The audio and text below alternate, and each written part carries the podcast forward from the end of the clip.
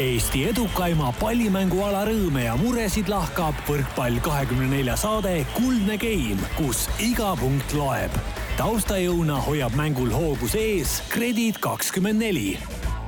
tere ja kaunist kolmapäeva, neljateistkümnendat aprilli, head kuulajad. elus on ikka nii, et on halvemad ja on paremad päevad, et mõnikord on nii kehv hommik, et ei taha kuidagi voodist üles tõusta ja mõnikord jälle nii tore õhtu, et ei taha magama minna aga elus on ka asju, mis ei muutu. näiteks kuuvarjutus on see, kui maa seisab päikese ees ja kuldne keim on see, mis on lõbusa tuju tekitamiseks ikka ja jälle teie ees. täna läheb meie enam kui kaks aastat väldanud saatesarjas eetrisse sajas osa ja Rene on jätkuvalt stuudios. juba tuttavatest nägudest ja häältest on täna tõesti siis meie Matamaja väikeses ja ubases stuudios istet võtnud Rene ja Andres, tere teile äh, ja kas soovite kohe ka mingit kommentaari ikkagi jagada seoses selle sissejuhatusega? Tere, jah, ei hakka midagi kommenteerima, oli sihuke, ma tegelikult vaatasin Renksi reaktsiooni, aga isegi oli suht okei okay.. isegi rahulik. kuidas on Rene siis? mis siin ikka on, järjekordne teisipäev ja tuju on väga ja juubelisaade ja uh -huh. kõik on hästi. veel Äh, aga täna on meiega siis samuti ühinenud Eesti naistekoondise rünnaku liider, Kieri klubis tubli hooaja teinud ja Itaalia kõrgliigas siis kuuenda koha teeninud Kertu Laak, tere Kertu, rõõm sind jälle näha. tere ja väga tubli, et äh, hääldasid nime õigesti. ma õpin, ma õpin, see on äh,. mitte minu nime, vaid selle klubi nime sinu nimi oli juba enne selge. see on ka keeruline. kuigi on ka Eesti naistekoondise põhimängijaid, kelle nimede selgeks saamisega on mul siin viimasel ajalgi alles, alles tulnud siis äh, noh, maadelda. Äh, Gert, alustame sellest, et äh, kuidas siis hooaeg kokku võtta lühidalt, me ju tuleme sinu, ütleme, äh, hooaja juurde veel siin saate edasises osas ka, aga, aga kas emotsioonid, mõtted on esialgu head või? ei, muidugi head jah, et noh, lõpuks põhiturniiril jäime seal kuuendaks, aga mingi hetk olime seal kolmandad isegi vist peale esimest poolt, et et selles mõttes napilt nagu kukkusime sealt eurosarja koha pealt välja, aga, aga noh, selles mõttes ma arvan, kõik nagu olid positiivselt üllatunud, mida me teha suutsime nagu oma, oma võimalustega. Äh, Rene, sinule küsimus sissejuhatuse juures, kas see raadio tegemine on kuidagi õpetanud ka sind või, äh, või pannud mõtlema intervjuude andmise osas, oled sa siin ennast kuulates või, või rääkides saadetes midagi täheldanud, mida sa enne võib-olla ei osanud täheldada? no täheldanud olen seda, et mul on ilmselt päris palju vaenlasi juurde tekkinud üle Eesti arvad? Ma arvan küll ja see on okei okay., et äh, ma ikkagi selles mõttes olen natuke konfliktses äh, olukorras, kus ma olen äh, mängija ja samas ka nii-öelda podcast'i tegija, et äh, et ma tulin siia ikkagi mõttega, et ma ütlen ausalt ja otsekoheselt äh, nii teiste kui iseenda tegemiste osas ja, ja ma arvan, ma olen seda joont suhteliselt okeilt hoidnud, et äh, loomulikult on ka mingisugune info, mida ma paratamatult nagu ei saa jagada või või ei ole nagu koha, kohane võib-olla parasjagu rääkida sellest, et aga, aga, aga noh, ma arvan, et äh, ei, selles mõttes midagi muutnud nagu ma ei ole, et äh, et äh, mul ei ole kunagi probleem olnud äh, nii-öelda võrkpallist rääkida või intervjuusid jagada, et, äh, et see kuidagi on aja jooksul kujunenud nii. aga oled sa mõelnud ka, et kui sa peaks välismaale mängima minema järgmisel hooajal, et noh, kes siis seda saadet tegema hakkab? no vot, see on sinu mure sa oma saadet kuskil ei, ei paneks püsti? oma saadet ma kindlasti küll püsti ei paneks jah, et äh, ma arvan, et sa oled head tööd teinud, nii raske seda tunnistada ka ei ole, aga aga, aga samas vaimus loodan, et sa saad jätkata ka tuleval hooajal, jah loodame parimat. Äh, Andres, palju sind on seesama raadio tegemine õpetanud, mõtlema pannud või on see rääkimine sinugi jaoks olnud selline suhteliselt äh, lihtne ja, ja tavapärane viis või? Ma ei tea jah, mind on ka kistud siin tänu sellele saatele mingitesse suvalistesse konfliktidesse, aga, aga ei ole hullu, et eks, eks tuleb ära kuulata siis jah, mis teised pooled arvavad, aga ei, mul on lihtsalt äh, võib-olla natukene toredam äh, ütleme siis analüüsida võib-olla teistmoodi seda võrkpalli, et kui, kui muidu oled ainult mänguspetsiifiliselt, siis, äh, siis võib-olla teistega arutades ja, ja kogu seda võrkpalli, võrkpalli üleüldiselt ähm, Äh, läbi mõeldes ja, ja sellega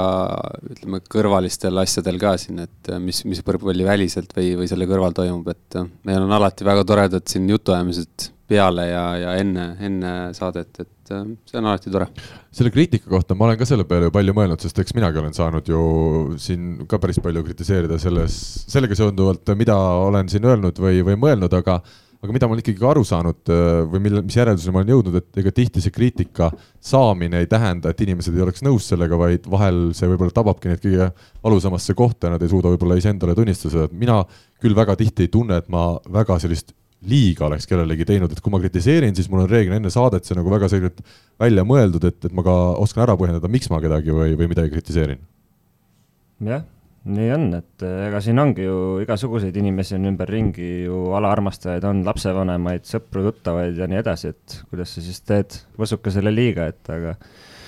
aga see on selles mõttes reaalsus ja ega, ega ju pahatahtlikult keegi, ma arvan ka, et midagi siin ei ütle, et pigem eh, noh, ongi, räägime avameelselt, ma arvan, sellest äh,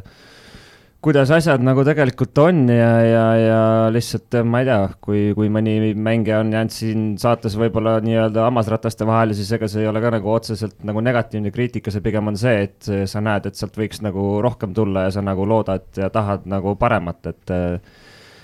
et selles mõttes, kui, kui keegi saab pihta ja ajab teda natukene närvi näiteks, siis ma arvan, et see on igati teretulnud, et, et mind ennast on ka ikkagi pigem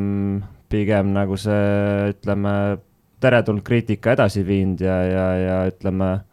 niisugune suht underdogi nagu värk on ka mind kaasas nagu saatnud tihtipeale läbi karjääri, et see pigem karastab ja, ja teeb tugevaks, et, et et, et me jah, siin Eestis võib-olla olemegi natuke liiga sellised kuidagi pehmed selles osas ka, et ütleme, mingisugune välismaal, noh ütleme kuskil noh, Kertu teab omast käest Itaaliast, et kehva mängu, siis, siis sa oled ikka nagu seesamune ajalehtedes järgmine päev, et see on tavaline, et et sa oled täpselt nii hea, kui sa olid,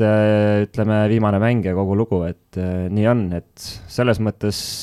ma arvan, et tuleks meil ka siin natukene rohkem nagu harjuda teatud asjadega ja ja, ja olla nagu natukene siis mehe või naise eest rohkem väljas natuke. ja, et ma ka selle koha pealt ütleks, et äh, kui ütleme veel kümme aastat tagasi siin said üldse, üldse mingist aimdust, mis toimub välismaal tänu mõnele üksikule artiklile, kui räägiti äh, mõnest mehest, kes siis, või naisest, kes mängisid välismaal, et siis praegult tegelikult nagu üritame siin, siinpool ka nagu rääkida sellest ja võib-olla saavad need noored ka vähe lihtsamini teada, mis seal toimub ja ja kuida-, kuidas valmistuda selleks et kui, kui tekib võimalus välismaale minna või ka mõnele noorele, mis toimub meistriliigas, et kuidas, kuidas siin nagu paremini hakkama saada, et ennemalt võis, võis selliseid asju küsida võib-olla. Mõne meistriliiga mängija käest, said mingit informatsiooni, aga praegu nagu tekib ka mingi arutelu, et ei ole ainult, ainult ühe inimese vaatevinklist ja paratamatult, kui arutelu on, siis äh, tihti tekivadki mingid eriarvamused, mis viivadki selleni, et keegi ei ole rahul ja keegi on rahul, aga üks asi veel, mis minu arust on ikkagi oluline jälle rõhutada, et see, kui me kritiseerime, kui vähemalt mina kedagi kritiseerin, mängijat äh, või treenerit, see ei tähenda absoluutselt seda, et mul isiklikult ju selle inimese vastu midagi oleks, et ma võin siin hea näite tuua, me Rauno Tammega vanad sellised äh, semud alati hästi läbi saanud ja Rauno ka mingil hetkel ei olnud enam väga rahul, et kui ma ikkagi pärast mingit kehva esitust äh, ütlesin talle, et et meil on Asko Esna tulnud saatesse ükski hea saade ei ole selline saade, eriti veel, kui see on äh, sajas saade, siis see nõuab ikkagi erilist tähelepanu. mitte, et ma oleksin tulnud tühjade kätega, vaat siin on terve hunnikus igasuguseid asju. uskumatu, mingisugune huvitav olukord sattunud, Asko Esna on saabunud meil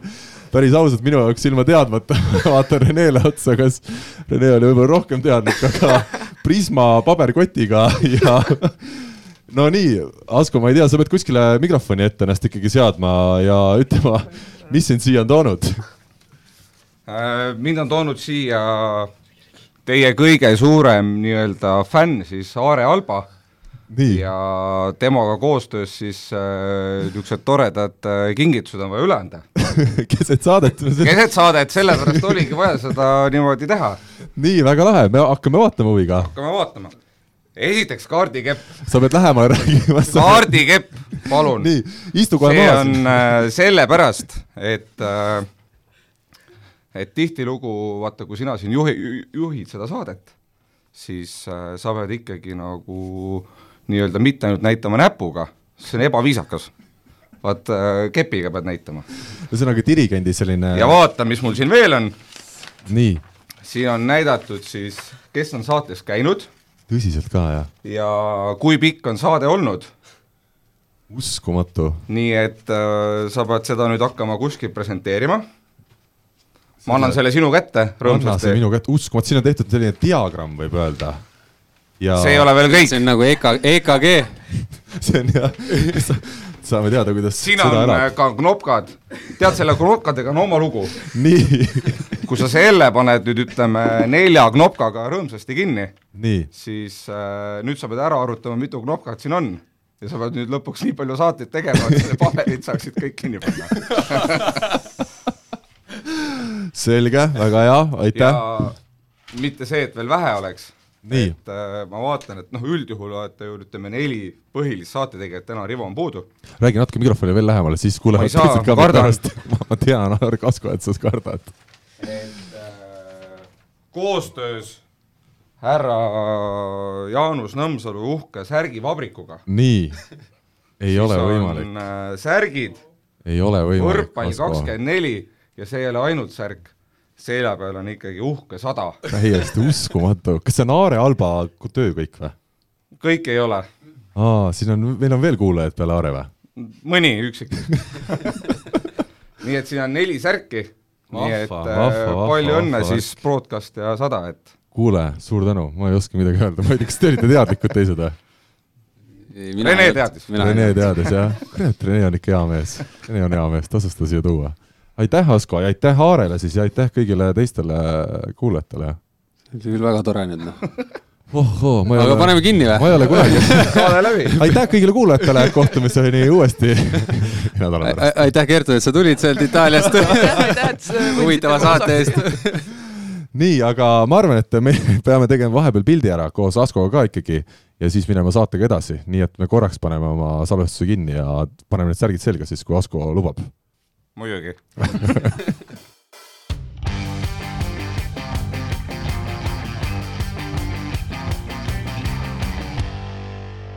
Nii, ja me oleme nüüd äh, tagasi, me oleme rahunenud natukene sellest ärevusest, mis Asko Esna meile tõi siis stuudiosse, astudes sisse täiesti äh, sellisel äh, ootamatul hetkel ja üllatades meid kõiki, aitäh Askole, aitäh Aare Albale ja aitäh siis kõigile teistele üllatajatele, kes selle toreda asja meil valmis äh, sepistasid ja ma usun, et me paneme selle ütleme siis äh, graafiku või siin on kirjas ühesõnaga kõik saated, kes on kõikides saadetes osalenud ja kui pikad on siis saate olnud, selline kohe noh, statistika on tehtud. et sellest saaks ka võrkpallistatistik, ma arvan, päris hea sellise statistikaametile saad no, saata seda niikuinii, seda niikuinii. faksiga. jaa, aga tänud veel kord, särgid on meil nüüd siis seljas, mis äh, sai, sai meile üle antud ja ja teema, millega me pooleli jäime, puudutas siis seda kriitika poolt võtame lihtsalt lõpetuseks, ma ütlen ära, mis ma Rauno Tammega seoses tahtsin öelda, et ega, ega see lihtne ei ole, kui sa teed äh, sõbra suhtes vahel, kui ikkagi mängud ei õnnestu, pead ütlema nii, et äh, vastuvõtt ongi kehv ja rünnak oligi kehv, aga aga kui sa inimest hästi tunned, siis seda lihtne teha ei ole ja eks me Raunoga oleme ka arutanud neid asju hiljem, aga ma usun, et me täna saame Raunoga jälle väga hästi läbi ja eks Rauno ka vahel läbi nalja midagi ütleb aga kuna sissejuhatus on vaikselt tehtud, tervitame siin veel mängumehi, kes on jätnud meile siis tundub oma salvestusest mitte ainult kommikarbi pooliku, vaid seekord ka tühjad õllepudelid. aga aga see ei ole ametlik info, siin võib-olla vahepeal käisid mingid õlletootjad oma saadet tegemas igatahes. meie läheme edasi siis tänase saate esimese põhiteema juurde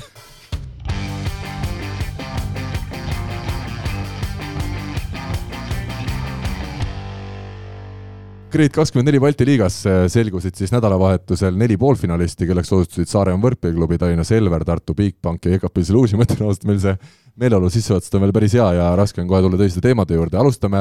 põhiturniiri võitja Saaremaa ja põhiturniiri kaheksanda võistkonna Leedu esiklubi Karkstai duellist. esimene mäng, avageimi saarlased kaotasid, olid teiseski taga, ma hakkasin vaatama, et siin on järjekordne suur üllatus meid ees ootamas, aga siis Saaremaa kogus ennast ja võitis selle esimese mängu kolm-üks, teine mäng juba kolm-null ja mis on nüüd märkimisväärne ikkagi see, et Indrek Pulk tuli teises mängus vahetusest väljakule, ehk siis Indrek oma hüppeliigas vigastusest nii palju on taastunud, et finaalturniiril ma usun, et ta on jälle algkoosseisus suhteliselt sama. nagu sa ütlesid, sa ei, sa ei uskunud hästi seda, aga, aga tavaliselt need lähevad nii, et see midagi nii hullu ei olnud ja seda oli näha tegelikult juba, juba peale seda mängu. Äh, Rene, kas Saaremaa meeskond äh, on üks tiitli pretendentidest ikkagi selgelt täna või? hoolimata, hoolimata mingitest äh, asjadest, mis neil siin sel hooajal on juhtunud? no kindlasti mingil määral jah, et äh, ega nad ju läbi hooaja on näidanud normaalset äh, korralikku taset ja ja ilmselgelt nad võiks olla ju nagu kõige näljasemad, et, et ei, ei saanud nad karikat, ei saanud Eesti meistritiitlit, et ilmselgelt seal on mängijaid ikkagi võistkonnas, kes, kes tahaks ka midagi ikkagi koju viia hooaja lõpetuseks, et et äh, usun, et neil äh, see poolfinaal saab olema natukene, ma ei taha öelda lihtsam, aga ikkagi, ikkagi ütleme tehtavam kui, kui see teine poolfinaal, kus siis Selver ja Tartu omavahel madistama hakkavad, et et et Jakapils küll jah, on selline võistkond, kes võib ka nagu pahandust tekitada, eriti kui nad kodus mängivad, aga, aga ma usun, et Saaremaa seal saab oma töö üsnagi nagu kas just hõlpsalt, aga ma usun, et see mänguseis võiks jääda seal umbes kolm-üks näiteks, et et väike lahti mängimine, võib-olla kerge mingi närv on ka sees mõnel mehel mängu alguses, et, et aga, aga üldjoontes ma usun, Saaremaa saab oma, oma asjad seal tehtud ja, ja ja pulk on tagasi ja see ei ole üllatus ka loomulikult, sest et noh, hüppeliiges ütleme keskpäraselt on niisugune kaks nädalat ja siis saad tegutsema hakata jälle, et kui, kui sul just mingisugusest ütleme, sidemete rebendit seal ei ole, et seda ilmselgelt ei olnud ja, ja nüüd ta vaikselt, vaikselt juba tuleb ja teeb, et võib-olla tema õlaosas see oligi nagu kerge niisugune puhkus, oligi just, just nagu isegi hea, et arvestades, et tuleb mängida kaks mängu nagu järjest ja ja, ja, ja siin viimases mängus natuke sai juba tunnetada seda platsi ka jälle, et, et ma usun, nad on, ma usun, nad on valmis Kertu, küsin sinu käest, kuna sa meil saates oled sel hooajal ikkagi esimest korda, kui, või millise mulje sulle Saaremaa võrkpalliklubi on jätnud tänavusel hooajal? Peatreener Janis Kalmasiidisega eesotsas? ma arvan, neil on väga selles mõttes, okei okay,, neil oli raske hooaeg, aga ma arvan, nad on selle läbi saanud nagu ütleme, võib-olla ühtsemaks, et kuigi neil on nagu vahetunud äh, ka seal rahvast, et, et selles mõttes äh, need, kes on juurde tulnud, nad on minu arust sulandunud väga hästi ja ja noh, nagu sa ütlesid, see viimane mäng oli neil suht nugade peal, aga ma arvan, neil on see niisugune mingi kindlus nagu saadud sellest, et nad Selveri vastu tulid välja nii raskest seisust. ma tean, teil on Selveri podcast siin, aga et aga aga kõik on teretulnud. ma ütlen isegi Rene kõvasti naeris praegu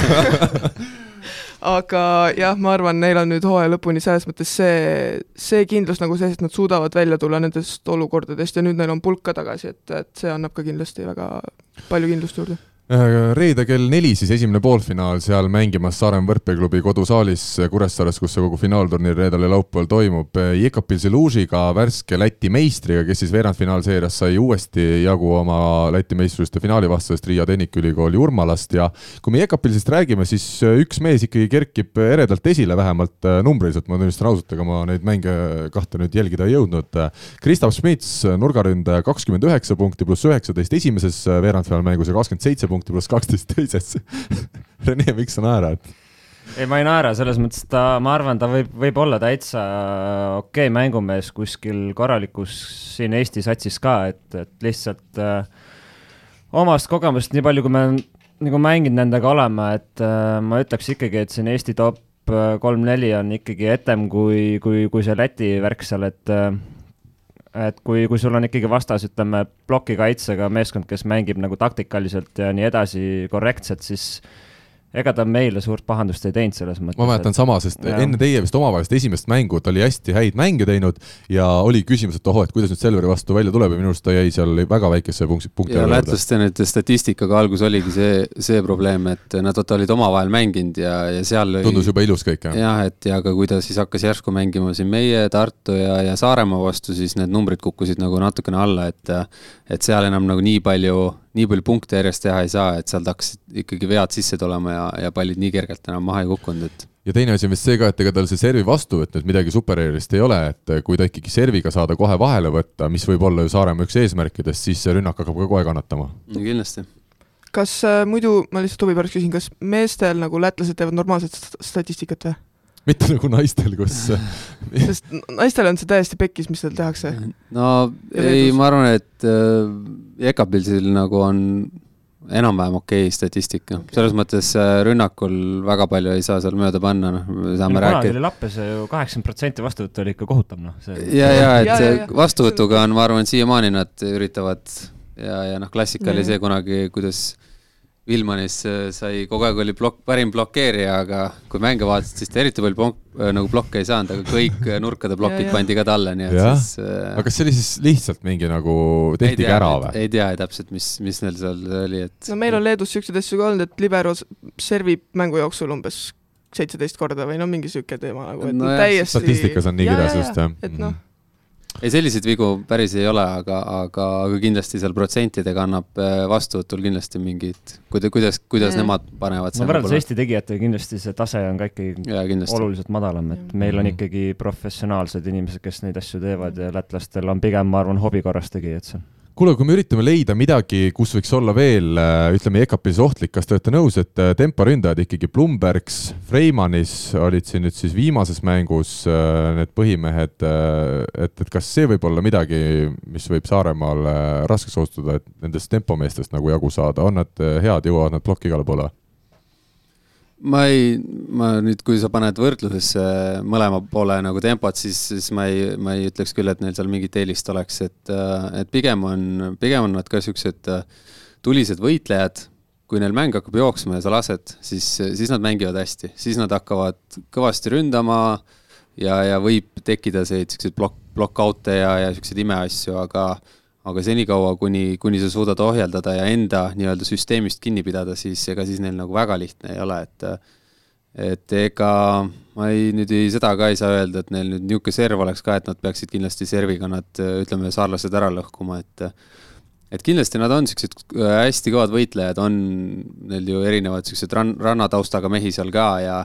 ja, ja kui nad sellise emotsiooni üles kütavad, siis, siis see selleks, mis neil seal plokk on või kuidas nad seal kaitses on, siis nad hästi palju puuteid hakkavad saama ja ja, ja emotsio-, emotsionaalseid punkte saavad just palju.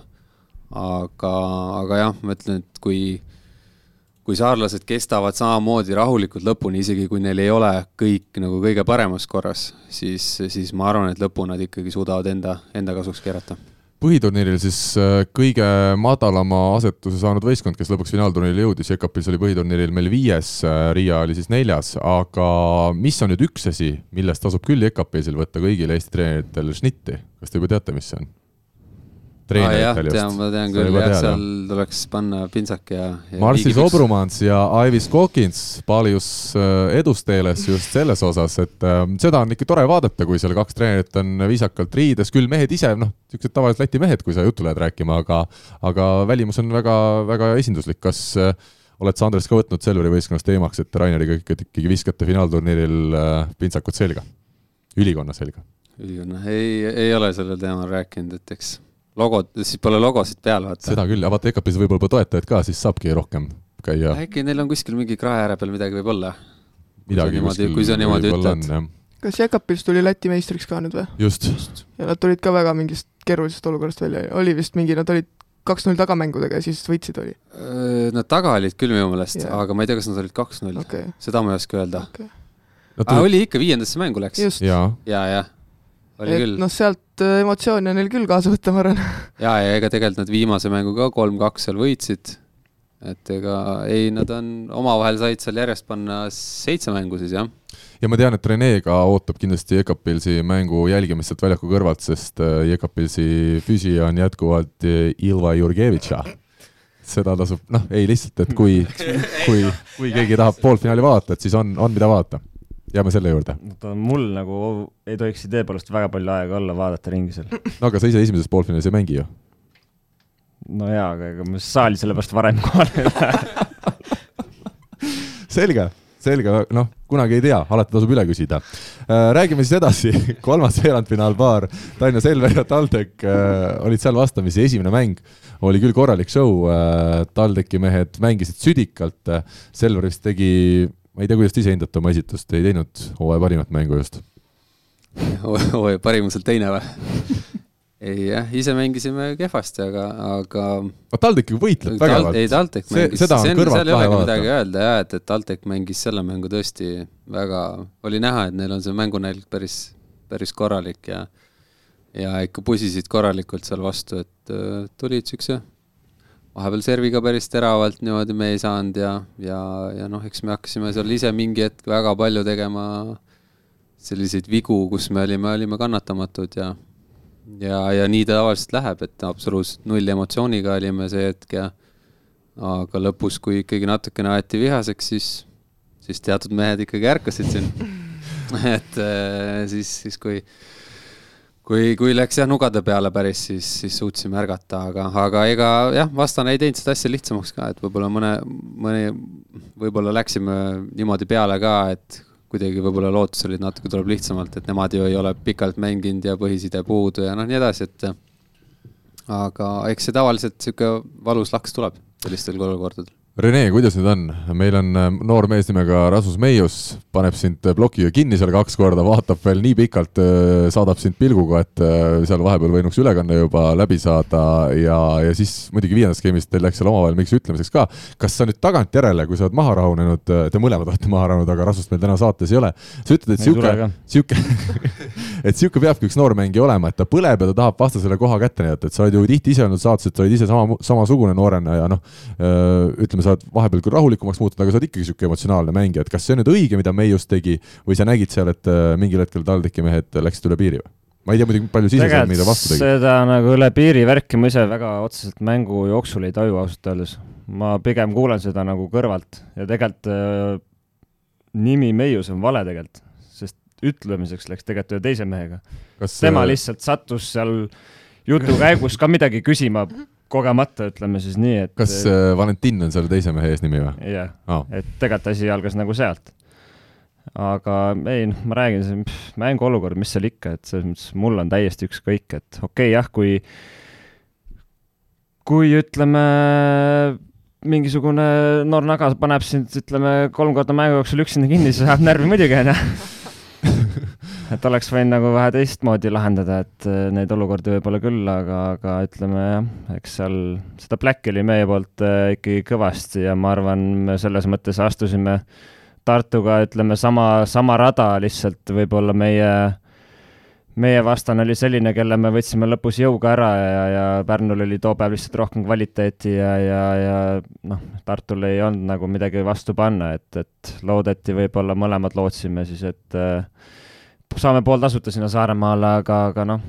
ütleme päris, päris nii nagu ei läinud ja, ja selles mõttes ma neid mänge tagantjärgi väga ei, väga ei analüüsiks ega, ega mingeid järeldusi sealt nagu väga ei teeks, et et see teine, teine mäng juba mõlemalt meeskonnalt oli oluliselt ju teistsugusem ja, ja selles mõttes nii-öelda oldi valvsamad ja ega siis ju enam mingit juttu enam ei olnud, et et, et jah, TTÜ räägib, et kodusaalis meile meeldib äge värk, aga no nende kahjuks mängitakse muudes saalides ka, et noh, sellega nagu väga kaugele ei purjeta, et et seekord siis, siis nagu jah, sedapsi. aga mis oli huvitav vaadata, Markus Mailamäe, siis pikaaegne noortekoondise põhimees, nüüd sai ka oma võimaluse TalTechis, kuna Aleksandr Eermaa hooaja lõpuni oli siin Kämbla luu vigastusega siis väljas ja ühtpidi minu arust see selja taha tõste tal sinna diagonaali klappis päris kenasti, Kordas tegi seal esimeses mängus vähemalt väga hea mängu, mina ütlen ausalt, ma teist mängu tegelikult ei näinud, aga kuna see oli väga ühepoolne, siis ega sellest meil pikemalt vist midagi rääkida pole ka. aga nelja peale Viidalepale ja Meiusele, seal need tõsted ikkagi kõikusid nagu kõvasti, et huvitav, kuidas sidemängija, ma ei tea, kas Andres oskab siin midagi öelda juurde, et ühte kohta sul nagu see tõste klapib päris hästi aga siis, kui on vaja teisele poole tõsta, siis äh, mulle tundus see nagu selge aga praegu, võib-olla kõige lihtsam on see, et äh, nelja peale äh, ta ikkagi, Maile üritas vähe kiiremat mängu ja, ja eks sealt hakkasid vead tulema, et et Kordasel on selge, et Kordas ise ei, ei kutsu väga, noh, ta võib kutsuda kiire, aga see tõste tavaliselt on tal ikkagi, antakse talle natukene aega, et et ma arvan, et äh, sealt hakkasid need vead ka tulema, sest oli selge oli see, et Maila üritas vahepeal, noh, eriti teises mängus mingi hetk ikkagi päris, päris niisugust ulmekiirust taga ajada, et et sealt hakkas ikka neid äh, ebatäpsusi tulema sisse kõvasti. Valentini kohta, kas ta on ikkagi paremaks läinud see hooaega? minule tundub kaugelt vaadates ikkagi, et ta hakkab üha rohkem diagonaalründaja nagu mõõtu võtma. ma olen jälle nõus sellega, mida siin ütlevad osad, et, et teine küsimus on, kuidas ta hakkab Euroopa tippude vastu mängima oma selle kasvuga, aga Eesti liigas ikkagi stabiilselt tuleb neid häid esitusi sisse küll ju. ega see teine no. mäng ka nüüd, protsent rünnaku protsent nelikümmend seitse ei ole kõige hullem no jaa, aga ütleme ikkagi, kui, kui need kolm meeskonda, ütleme siis täna, et äh, Saaremaa, Tartu ja Selver on, ütleme, fokusseeritud ja mobiliseeritud, siis tegelikult sa teda väga tähele ei pane, ütleme ausalt, et eks tal on, tal on ikkagi teatud, ütleme, mingisugune piir ja ütleme, et kui sa ise lased tal teha, siis ta teebki. Sest tal selles mõttes seda löögi tugevust kui sellist nagu on ja kohati ta võib ka seda kõrgelt teha, aga kui sa hakkad teda pidurdama, siis, siis see noh, paanika paratamatult on kiire tulema ja, ja siis ta, siis ta nagu ütleme, kasutegur muutub üsna nagu võib-olla nähtamatuks, aga, aga no aga no tore, et ta selle võimaluse selles mõttes sai, et, et saab suvel kätt proovida ka siis nii-öelda vähe teisel levelil ja, ja ka noh, selge on see, et eks talle seal väga palju neid algtõdesid õpetama hakatakse alguses, et noh, näha on, et tal on ikkagi väga paljud asjad ikka väga lappes, et aga sina et nüüd see ei ole nagu selles mõttes üldse mingi kriitika tema suhtes, sest et ikkagi treenerid teevad temast selle mängija, kes ta nagu täna on, et, et äh, aga lihtsalt, äh, et, et ta saaks nagu mängida selles meeskonnas, mida mängib,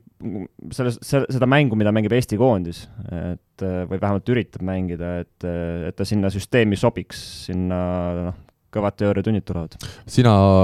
patsutad õla, patsutad tal õlale koondises ja aitad nii palju kaasa, kui saad, et, et temast ikkagi tuleks parem mängumees või? seal mingit võistkonnasisest konkurentsi, on seda Eesti koondises või, sellist see on alati olnud niisugune, nii palju kui meie Olkuga vähemalt oleme olnud, et pff, tead, ei ole mingit niisugust, ma ei tea, mingit kadetsemist või, või, või mingit jama seal küll, et äh, me saame väga hästi läbi, ma arvan, ja ja kellel on parem päev, see mängib ja, ja selles mõttes asi on nagu pigem nagu fine, et äh, et seal ei olegi, ma arvan, niisugust olukorda liiga palju tekkinud, kus sul on, ma ei tea, kolm-neli meest ja võitlevad selle nimel, kes üldse saaks EM-ile näiteks, et niisugust olukorda meil nagu väga ei ole olnud ja, ja ja, ja ma ei tea, kas, kas, kas tuleb, et üldse, et, et siin ig, ig, iga aasta nagu loodus on mingisugused valikud ise ära teinud ennem juba ütleme, kas või mingit tsüklit, et et selles mõttes meil tihtipeale on olukord, kus, kus kõik parimad ei saa ikkagi kohale tulla mingitel erinevatel põhjustel, et aga, aga, aga noh äh,, trenn, trenni on ka vaja teha ja selles mõttes meil on, meil on mehi vaja kaasata ja nüüd siis võtame ette selle viimase veerandfinaalpaari, millest äh, ütleme, kõige rohkem võrkpallisõbrad ka huvi tundsid, kuna vastamisi olid ikkagi Tartu Bigbank, Pärnu võrkpalliklubi, kaks Eesti vaieldamatut tippmeeskonda, üks siis eelmine Eesti meister ja teine värske Eesti meister. ja esimese mängu Tartu Bigbank kaotas null kolm, teise ja kolmanda võitis kodus äh, sama tulemusega, aga mina alustaks sellest esimesest mängust siin samamoodi, võib-olla Kertu, võtame sinu ette ähm, vaadates seda, kuidas Tartu tuli Eesti meistriks, tundus, et nüüd on veel enesekindlust rohkem kui varem, noored mehed on saanud ka selle koormuse õlalt, et jah, nad nüüd vedasid võistkonna esimese tähtsa tiitlini, aga vastupidi, esimene mäng kaotati null kolm, kas siis tõesti nad ei, lihtsalt ei jõudnud veel sellest Eesti meistriks tulemise emotsioonist ja, ja pingelangusest välja tulla nii kiiresti, nii kolme-nelja päevaga? no see on alati selline, et ega sa ise võid mõelda, et sa oled nagu võtad nagu iga mängu uuelt leheküljelt ja nii edasi, aga, aga et ei tea kunagi, mis seal peas nagu tegelikult toimub, et, et võib-olla kuskil kuklas ikkagi oli see, et äh, küll ta ära tuleb ja niimoodi, et aga aga eks Pärnu, ma arvan ka, läks suht nagu pingevabalt peale ja ei olnud nagu selles mõttes, neil oli hea päev ka, kõik nagu õnnestus, siis said oma selle rongi ajama seal ja, ja ei, ei peatunud enam, et, et peatus järgmises mängus, aga aga suht, suht kiirete piduritega, aga noh, et selles mõttes äh, meil ka seal ütleme klubis nagu peale mingit sellist nagu mingit head võitu või sellist, et, et äh, treener proovib ikka nagu trennis tuua nagu jalad suht kiiresti maa peale tagasi, et kui hakkab selliseks natuke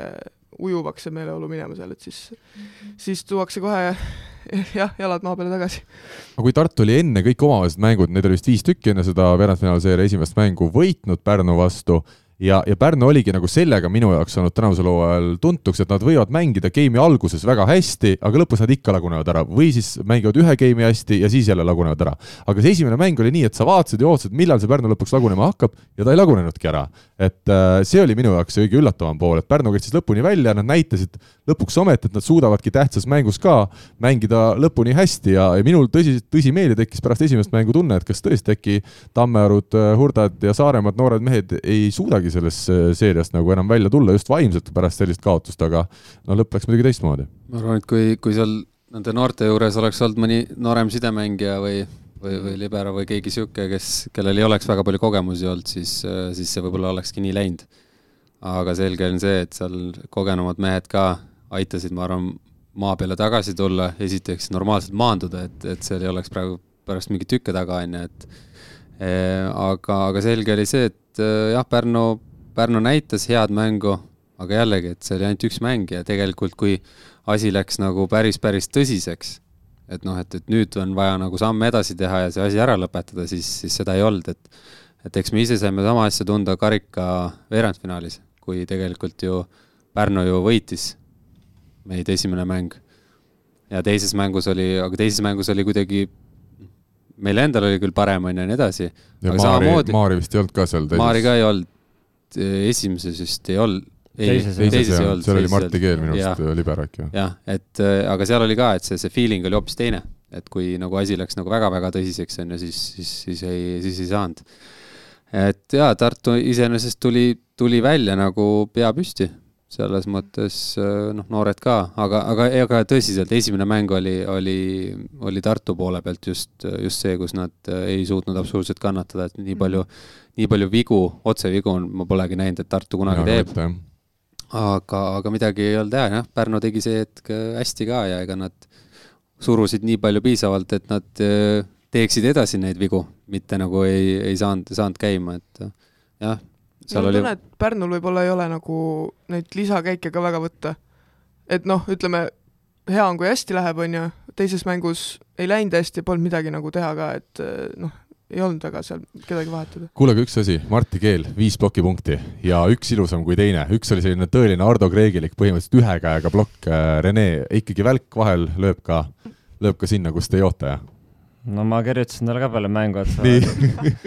maru mürsik oled ikka ja siis vastus tuli selline konkreetne ja lühike, tavaline et noh, äh, jah, äh, tore, hea meel Mart üle, aga noh, eks see näitab jällegi natukene seda, mis teispool ka toimus, et, et väga ei toimunud, ühesõnaga. ja, ja no mis, mis seda Pärnu olukorda jah puudutab ju oligi ju tegelikult see, et eks nad olid juba ma arvan, selles mõttes nagu käega löönud sellele hooajale, et noh, nad olid juba leppinud, et siit ei tulegi enam midagi ja siis oligi niisugune, et ah oh, noh, lähme teeme siis, et aga samas nagu see hea mängupilti üllatus minu jaoks ei olnud, kuna tegelikult ka meie vastu seal pronksi seeres see, ütleme, see teine mäng eriti tegelikult oli täitsa tipp-topp, noh. lihtsalt äh, me olime ise ka selleks hästi valmis ja too päev sellest ei piisanud aga, aga ütleme, siis nad suutsid võib-olla isegi natuke juurde kruttida ja Tartu tuli äh, ebasoodsas olukorras neile vastu ja karistatigi ära, et aga, aga lihtsalt, mis sellele järgnes, oligi see, millega see aasta ei olnud harjutud või noh, nad uudses olukorras selles mõttes, et nüüd tuleb võitma hakata. Ja siis tekkis järsku mingisugune ärevus, millega nagu ei suutnud nemad jälle toime tulla, et noh, eks noh see vaimne värk siin, no eks ta natukene hale naljakas no, siin on ka, et ega siin on palju seda noorust ja värki ka liigas, et, et sihuke, sihukest olmeprobleemidega tuleb kõvasti tegeleda, et ütleme, tippklassiga mängumeestega selliseid muresid ikkagi pigem ei ole, et saadakse aru, mis nagu toimub ja mida tehakse, et et kui midagi võidetakse, siis saadakse aru, et on kaks, kaks, ütleme, tiitlit veel mängus ja selles mõttes midagi ei ole muutunud, hooaeg läheb edasi, et tähistada saab alles siis, kui, siis kui viimane tiitel on jagatud, et vahepeal pannakse lihtsalt täis tonni edasi, et, et siin on, siin on natuke teistmoodi. ma ütlen, miks see kogu see hooaeg meil on lahe, ongi nende üllatuste pärast, seesama esimene mäng Pärnu-Tartu, teeme telemängu seal, ülikonnad seljas, Tamar Nassariga tõsised näod ees, mõtleme enne mängu läbi, mis me räägime, noh, räägime, kus on kõige suurem vahe. kõige suurem vahe on selles, et Martti Keel on kehvem tõstja, kui on Gert Toobel, et ei suuda nii mitmekülgseks mängu ajada. mäng läheb lahti ja Martti Keel hakkab järjest temposse laskma, kõik toimib, Keel saab veel plokipuuteid, eks ole, ja kõige parem hetk minu arust sellest mängust, mille ma tagantjärele, ma ülekannet kommenteerides seda ei märganud, aga tagantjärele vaatasin järele, et mida ta seal näitas, kui Marti võeti vahetusse, kas see oli vist esimese geimi kuskil lõpus või, ja pandi Voogel sisse siis äh, nagu plokki tugevdama. sest Marti tuli välja, näitas Aavole kõigepealt, siis näiteks varumeeste pingil, et kolme näiteks, numbrit kolm, et ma panen kolm plokki esimeses geimis ja ikka on vähe, ikka võetakse mind servi või plokivahetusena välja, et siuksed nagu ülilahedad hetked ja kõik, kõik nad seal nagu muigasid ka, et äh, see oli sihuke lahe olukord aga räägime siis treeneritest ka, mm, kuna esimeses mängus äh, Alar Rikberg väga huvitava sellise sõnavõtuga seal mehed korra võttis siis enda juurde ja ütles, et äh, tõstke käed üles, kes ei taha mängida, et äh, ja tulge ära. et selline, me nägime selles seerias esimeses mängus Tartu poolel ja kahes järgnevas Pärnu poolel, kui keeruline ikkagi on treeneri töö, isegi sellises soliidses eas meeste jaoks. Rene, kuidas sulle see, ütleme just Alari käitumine, mis mulje jättis? Noh, eks ta treeneri mõistes on noor ja roheline, eks ta ka õpib, kus ja millal mida öelda, et et selles mõttes kõik on okei okay ja oli, oli mingil määral oli nauding vaadata teda ka pingeolukorras, et see nägu ei olnud üldse nii tore enam. Et siin Eesti meistrivõistluste ajal kõik sujus ja kõik oli hästi ja, ja siis oligi lihtne võib-olla, noh, mitte lihtne, aga lihtsam olla seal, ütleme, treeneri pingi peal, et, et nüüd siis selline olukord ja, ja ja on hooaja sees niisuguseid mänge, kus kus sa nagu võid teha, mis tahad, sa võid tiritammi lüüa, aga, aga sa ei, sa ei suuda seda nagu meeskonda ümber pöörata ja lihtsalt, lihtsalt lähebki see rong minema ja läkski, et nende õnneks vigade paranduse ruumi oli ka ja seda nagu tehti ka, et, et nagu Andres juba ütles, siis ilmselgelt äh, läbi selle hooaja tegelikult need kogenud mehed on seda, seda asja seal aidanud kõvasti üleval hoida, et et, et noh, jälle, jällegi räägime natuke sidemängijast ka, et ega see see Eesti, Eesti liiga on nagu selles mõttes varasemalt ka näidanud, et äh, paratamatult kõige tähtsam positsioon tundub, et on siin ikkagi sidemängija äh, läbi aastate. me oleme ka varem näinud, kus, kus Oliver Faucher tuli Pärnusse ja, ja siis, siis oli kõik äge ja kõik, kõik mehed järsku olid ründajad, et äh, et äh, ma ei taha öelda üldse midagi halba Tartu ründajate kohta praegust, aga lihtsalt äh, ütleme, see on kõva valuuta ja selle vastu on raske vaielda selles mõttes. just nendes tähtsates mängudes, kus sul äkitselt äkki mingi hetk läheb valesti ja sa pead nagu kohe ümber orienteeruma ja saama mm. mängu tagasi käima, et need on need hetked, kus äh, sa näed, kui hea on Gert Toobal tegelikult. no ja täpselt, et see, see kogemusest tulnud see kannatamine ja see tiksumine, et ta näeb, kui tal ei ole varianti ja ta näeb, kui on vaja nagu juurde panna, selles mõttes, et tal nagu see pulss, ma arvan, suhteliselt sama, et see poker face seal teispool võrku ajab vahepeal ikka päris närvi, et noh, et anna alla või mis sa teed seal noh et aga sihuke ta on ja, ja kui sa vaatad ta CV-d, siis sa saad aru, kust see kõik tulnud on, et see Türgi, Türgi elu seal ja see, need etapid, mis ta läbi seal käinud. toimub see, tundub see Eestis asi nagu köömes, jah? ei, see on raamatu koht kindlasti, et ütleme, nii mõnigi mees oleks kuskil, ma ei tea, psühhiaatriahaiglas siin, kui mõni noormees niisuguse asja peaks täna läbi käima kindlasti, et see on, see on kasvatanud teda kõvasti ja teinud ta tast sellise mängumehega, nagu ta täna on ja inimese no aga tuleme nüüd siis selle teise mängu juurde, telemäng taaskord, äh, kolmas game, äh, Pärnu kahes esimeses võitles Tartu vastu, kolmandas jäi siis kaotusseisu kaheksa, kakskümmend kaks. varumehed olid juba väljakule pandud, Aavo Keel võtab aja maha ja ütleb siis seal otse meestele, et näete, praegu on meil äh, mikrofon siin ja inimesed telekast vaatavad, et Voogel ja, ja Tammiksaar, et kas sellepärast said, sai teid nagu mängu panna, et, et sedasi mängiks. Ja ja ütleme, see on siin palju tagasisidet saanud või kõlapinda saanud, Rivo Vesik eesotsas meie saatetubli liige mm -hmm. muidugi tõmbas ketassaja kohe käima ja, ja tegelikult ega, ega ju keegi selle noh, tundub, et suur osa ikkagi inimesed olid nõus sellega, et ega sedasi aega maha võtta ja, ja noori mehi noh, ütleme kritiseerida on kõige pehmem, mis me saame selle kohta öelda, et ega see õige ei ole aga rääkisin siis ka Aavo Keelega siin vahetult enne meie saate algust ja mehedki vist ja, ja Kertugi on äkki selle loo, loo läbi lugenud, et tegelikult Aavo ka ise mõistis väga, väga hästi, et see ei olnud õige, mis ta tegi ja ta ütles, et juba pärast mängu nagu tundis, et, et see ei olnud kindlasti õige tegu, aga, aga ta ütleski, et, et ta on keskmisest emotsionaalsem inimene, ta kees üle selles olukorras, kui ta nägi, et mäng ei tööta ja, ja tegi selle siis vale teo ja, ja otsuse, aga et tagasi seda ju kuidagi võtta ei, ei saa, et äh, milleni me jõuame siin on vist jälle see, et Aavo Keel on küll ülitituleeritud äh, treener, kes on võitnud Eestis kõiki tiitleid palju kordi, aga temagi esimest korda siis oma treenerikarjääris jäi ühel hooajal oma võistkonnaga ainsagi medalita. Ja temagi jaoks on see uus olukord, kuidas tulla välja olukorrast, kus sa oledki võistkond, kellelt oodatakse rohkemat, aga kes ei suuda nagu seda, ütleme, medaleid siis ära võtta. Nojah, nii on, et ega mis siin ikka meil heietada juurde siin, et on no, igasugused artiklid juba väljas ja, ja et kaua sa ikka selles mõttes mõlgutad siin, et äh, kõik teevad vigu ja, ja noh, jah, see ei olnud, see ei olnud õige tegu too hetk kindlasti ja, ja nagu ta isegi ütles, ta sai sellest aru, et, et selles mõttes emotsioonid käivad äh, asjaga kaasas ja, ja noh, nagu ütlesidki, et äh, ilma, ilma tiitlita see aasta või medalita, medalita, sorry jah, et äh, et eks, eks see kuhjub inimese sees ka ikkagi aja jooksul ja, ja mingi hetk see nagu pidi välja võib-olla siis tulema, et tuli, tuli võib-olla natukene halvas kohas võib-olla, aga, aga noh, midagi teha ei ole, et nii oli ja, ja lähme eluga edasi, et mina selles mõttes, ma ei tea, mutta päris ei, ei tambiks teda, et inimesena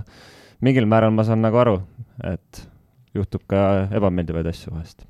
ja ma olen ka just seda meelt, et ma üritan nagu kõigist osapooltest alati aru saada, et miks keegi kuidagi käitub. ja kui me vaatamegi Aavo rolli, kes ta on olnud siin esitreener meil ikkagi Eestis pikalt ja, ja tänasel päeval on Eesti siis liigas selgelt temast paremaid tulemusi näidanud noored mehed, Alar Rikberg ja Rainer Vassiljev. noh, Janis Kalmasiidis veel välismaalt äh, Saaremaa treener. et ega see ühe sellise inimese jaoks, kes on harjunud võitma, ei ole lihtne olukord, et eks Aavogi ilmselt mõtleb, et mida ja kuidas nüüd tema peab oma treeneri metoodikas muutma või, või teistmoodi tegema, et, et hakkaks jälle tema meeskonnad ka mängima, et nagu me siin üksikutel hetkedel tänavusel hooajal nägime, siis tegelikult see Pärnu võistkond ju oli mängimisvõimeline, aga nagu asjaosalised isegi on tunnistanud, siis võib-olla liiga palju selliseid mehi oli seal, kes vaimselt olid väga kõigutatavad ja kui see kohtumise algus juba välja ei tulnud, siis laguneski kogu võistkonna mäng ära. jah, ma siinkohal selles mõttes ma selle medali koha pealt võib-olla, võib-olla ei olegi nagu nii hull, et kui me räägimegi sellest, et võib-olla gramm, gramm oligi ütleme, rohkem nelja, neljanda positsiooni võistkond, on ju, aga aga noh, eks ikkagi teatud mõttes ma arvan, mehed ja, ja kogu, kogu tiim ju usub sellesse, et äkki meil on võimalik vähemalt ühe tiitli juures üllatada midagi, on ju. no seda üllatust nagu ei tulnud ja nagu noh, teatud, teatud momentidel kas või seal Äh, karika poolfinaali jõudmine või, või praegult siin niimoodi Final Fouri jõudmine, et justkui nagu on kuskil seal käeulatuses, aga samas nagu see ikkagi langeb nagu päris selgelt ära, et et see, see kõikumise pool just see, et et see oli, mis, mis jääb nagu taak külge äh, sellele, sellele aastale. aga millest on selles mõttes kahju, on võib-olla, et kui ütleme, näppude vahele sulle midagi ei jää, siis alati nagu saab kompenseerida sellega, et vähemalt äh, keegi tõstis kuskil mingit pead, eks ole. et aga kahjuks me ei saa nagu seda ka nagu väita, et äh, jah, ma selles mõttes ütlen ära, et me, me, Pärnu täna ei saanudki, ütleme, Martit pingi peale istutada, sest ütleme, seda võitluslikkust ja seda kõike oli nagunii puudu ja kui sa selle lüli ka sealt ära võtad, siis võib-olla nad oleks kümme saanud ju igas game'is, on ju. et, et aga, aga näiteks see Tammiksaargi, et äh, et jah, võib-olla tema siis oleks, oleks võinud võib-olla saada seda kooliraha maksmist nii-öelda mingites hetkedes võib-olla rohkem, et kahjuks ma arvan, ta täna täna see hooaeg võib-olla talle mänguliselt nii palju nagu ikkagi ei pakkunud, kui, kui oleks võib-olla võinud, et. minu arust on see, et ma olen nõus selle poolega, et ta ei saanud siit piisavalt palju, aga tegelikult äh, ei saa ka seda öelda, et ta mänguaega ei oleks teeninud, et äh, Aavo ikkagi ta lasi sisse, aga ta lasi just tihti nendel hetkedel sisse, kui oli niikuinii raske juba võistkonnas ja see mäng ei voolanud, et kui sa tuled sel hetkel veel noore mehena sisse, siis on jube keeruline hakata kohe ennast nagu tõestama, heast küljest näitama, et see on see võib-olla põhiküsimus. noh, seda ka jah, aga ütleme noh, mingil määral selles mõttes ega see noormees midagi ole, elu ja sport ongi karm, et ega sa peadki, peadki natukene, ütleme, selle ukse jalaga lahti lööma, et, et võib-olla raske just... on jah, mingi kolmkümmend sanga tõmmata kohe sinna ja, ja mm. nii ongi, aga, aga lihtsalt äh, kuidagi, kuidagi millegiga sa pead nagu meelde nagu jääma ilmselgelt, ma võib-olla teen, ma ei tea, kas, kas teistel on ka niimoodi olnud, mina mäletan enda isiklikust kogemusest, kui ma olin, ma ei tea, just äh, äkki seitseteist saanud või, millal ma sain meistriliigasse mängima tegelikult, kui sa oled nii noor, siis sa oled ka nii roheline ja võib-olla isegi natuke loll, et, et sa ei oska pabistada mm., aga, aga mina mäletan küll, et ma alguses ei osanudki üldse pabistada, ma läksin mm. mängima ja mängisidki, sa tegelikult ei saagi aru, mis vastutus sul tegelikult nii väga on. sa tunned seda veel, jah mm.? aga sa tahad nagu hirmsasti mängida, see ei ole nagu vahet, on ju. ja, ja siis, kui mingi hetk nagu tekib see tunne, et ahah, aga minust ju sõltub päris palju ja see tekib, ma arvan, niisuguse võib-olla äh, poole hooaja pealt, vot siis võib tekkida need tagasilöögid, aga, aga sealpool nagu, nagu seda tunnet küll ei olnud, et nüüd hirmsasti nagu oleks äh, väga tahtnud seal olla, et seal kuidagi oli niisugune natuke värisevat poolt oli hästi palju arutasin siin äh, pärast neid mänge ühe sõbraga seda teemat, just sedasama noore mängija teemat ja mul tuli siin niisugune idee äh, sisse, et ma mäletan, mina mängisin kunagi koolidevahelist mingit korvpalli ja meil oli Tallinna meistrivõistluste siis finaal ja mina, kes ma ei olnud korvpallur, pääsesin ka seal väljakule, ma mäletan, ma värisesin nii kõvasti, et noh, kõik need mis ma tegin, läksid noh, aia taha sisuliselt seal Kalevi spordihoones. aga millega ma sain nagu omale enesekindluse sisse, oli see, et kuna ma olin kergejõustikupoiss, ma võtsin laudu suhteliselt palju, et sa saad nagu mingite asjadega mm -hmm. kaitses rabelemisega, hullu jooksmisega, lauapalli võtmisega, saad selle enesekindluse sisse, ma mäletan, et mängu teine poolaeg, no seal oli pealtvaatajaid ka mingi viissada või umbes mõlemast koolist olid, nad olid kohale tulnud, minu jaoks oli see esmakordne kogemus, et ma sain selle enesekindluse sealt. aga võrkpallis on sul, iga puude on sul nagu hästi oluline ja kui sa sealt saadki alguses servi vastu, sul kaks korda juba läheb kuskile out'i pall, siis ega seda nagu enesekindlust mingite puudete kaudu nagu sisse saada või musta töö tegemisel, võrkpallis ei ole sellist asja nagu musta tööd ju. noh, kaitses sa võid kuskil rabeleda, aga ega seda ka nagu lihtne üles ja, et ega pall ei tule kogu aeg sinu poole ka, Jah. jah, sa võid vahetuses sisse minna ja mitte kordagi palli puutuda. et just, et võrkpall on selles suhtes hästi raske nagu vaimne ala, et sa pead kuidagi juba alguses saama emal selle kindluse sisse, et sul need puuted üldse välja hakkaksid tulema, sest kui tuleb närv sisse, siis need puuted lähevad niikuinii aia taha. noh. jah, eks ta on jah keeruline ja hästi sellepärast me räägimegi, et see on nii palju nagu peas kinni, et et ei ole alati need liigutused, et siin siin teisigi kergejõustikutreenereid on öeldud, et hüppaks kümme senti rohkem, oleks palju parem võrkpallur on ju, siis me jõuamegi selleni, et noh, asjad ei käi päris niimoodi, et ma võin hüpata ja teha, on ju, aga kuidagi see pall peab minuni jõudma, aga ma pean selle jaoks võib-olla tegema kuhugile sammu ja siis ma ei saagi enam nii palju hüpata ja nii edasi, et et see on nii kollektiivne võistkond, nagu kollektiivne mäng, et, et, et siin me jõuamegi selleni, et kui need noored mehed tulevad platsile, siis siis need natukene kogenumad mehed peavad alati aitama. ja, ja tegelikult ongi see, et kui on nagu tugi nii-öelda pingilt ja on tugi ka sul sealt kõrvalt, siis sa saad sinna mängu nagu lihtsamini sisse ja, ja nii ta käib. selle teema lõpetuseks äh, Aleksandr Popletejev Venemaalt tuli hooaja keskel mees ja ma ütlen ausalt, me kommenteerisime Hendrik Rikandiga seda mängu ja no mingi hetk lihtsalt tuli naer peale, sest jaa, ma tahan kohe selle kohta öelda. ma vaatasin, kuidas te naersite teda, mul hakkas tast täitsa kahju. minul hakkas endal ka tast kahju, aga no, aga no ei nagu ma saan aru, okei okay,, ta tegi mingeid natuke noh, selliseid liigutusi onju, aga kui see- mu ema, mu ema poolt on ka kommentaar, et te Nii. naersite tegelikult liiga palju. ja ma olen ka nõus sellega, et vahepeal läks nagu liiga paljuks, aga no mäng iseenesest oli juba nii nagu ära läinud ja siis tuleb veel Popletejev kuskile mängu. Rene seal vahepeal ja, ja, ja, ühesõnaga, et äh, tuli veel Popletejev mängu niigi raskes olukorras, siis hakkab tegema seal täiesti müstilisi asju. kõige parem oli minu arust Voogeli tõste, kus oli nagu korralikult kõik ees. Voogel tõstab nurka palli, aga millegipärast Popletejev oli kuskile sinna võrgu keskele jooksnud, ma ei tea, kas tahtis temposse rünnata, siis pall läks üle äkki oli kombinatsioon, et see lühike. jah, aga ei olnud siis kursis sellega ilmselt sidemängija. Voogel lõppes võib-olla koolis saksa keelt. igatahes tervitame Popletejevit siit, loodetavasti kodutee Venemaale kujub, kujuneb sujuvaks ja sujuvamaks kui see hooaja lõpp siin Pärnu võrkpalliklubis, aga poolfinaal Selver ja Tartu Bigbank. Kertu, ma küsin sinu käest, kuna sa oled siin ainukene peale siis Rene ja Andrese või ütleme, Rene ja Andresest teistmoodi, et sa ühesõnaga, sa ei ole Selverist. sa ei ole see, kuigi sa tead, et meie saates peab ikkagi valima sõnu, mis soosivad Selverit mm. -hmm. nii vähemalt on väga paljud meie kuulajad ma käisin. Selveris just täna. Kas see loeb? see loeb. Rene ja Andres lähevad võtma kohvi ja ma küsin sulle selle poolfinaalseeria kohta, kas sina näed siin kummalgi mingit äh, eelist või ähm, sellist paremat seisu? ma ei oskagi selles mõttes öelda, et noh, mõlemal on üks tiitel olemas juba, onju. et äh, mitme võiduni see käib? See on üks, onju, see on finaalturniir, ma teadsin seda tegelikult. kolme geimi võiduni, ma võin nii palju sulle öelda., väga, see on huvitav. ühesõnaga, et no kolm-null ei jää, seda ma kardan ka, jah. see on kindel, aga see on jah, väga huvitav selles mõttes äh, mäng tuleb kindlasti, et äh, et ühest küljest nagu võib-olla nagu ründajate poole pealt on Selveril nagu rohkem kogemust. Et Tartul on seal noored koos, aga samas need noored on nagu Gert Toobali käe all ja Rait Rikberg samamoodi seal. pluss nad on füüsiliselt ikkagi juba võimsamad, kui on Selveri need kogenumad mehed seal. jaa, täitsa võimalik, et äh, et selles mõttes ma arvan, mõlemal treeneril on ka väga palju vaja teha nagu skautingut ja, ja ja võtta need asjad nagu, nagu läbi korralikult, et, et äh, sealt võib väga palju, sellest võib väga palju sõltuda. Aga jah, selles suhtes on huvitav, et mõlemad meeskonnad, nii Tartu kui ka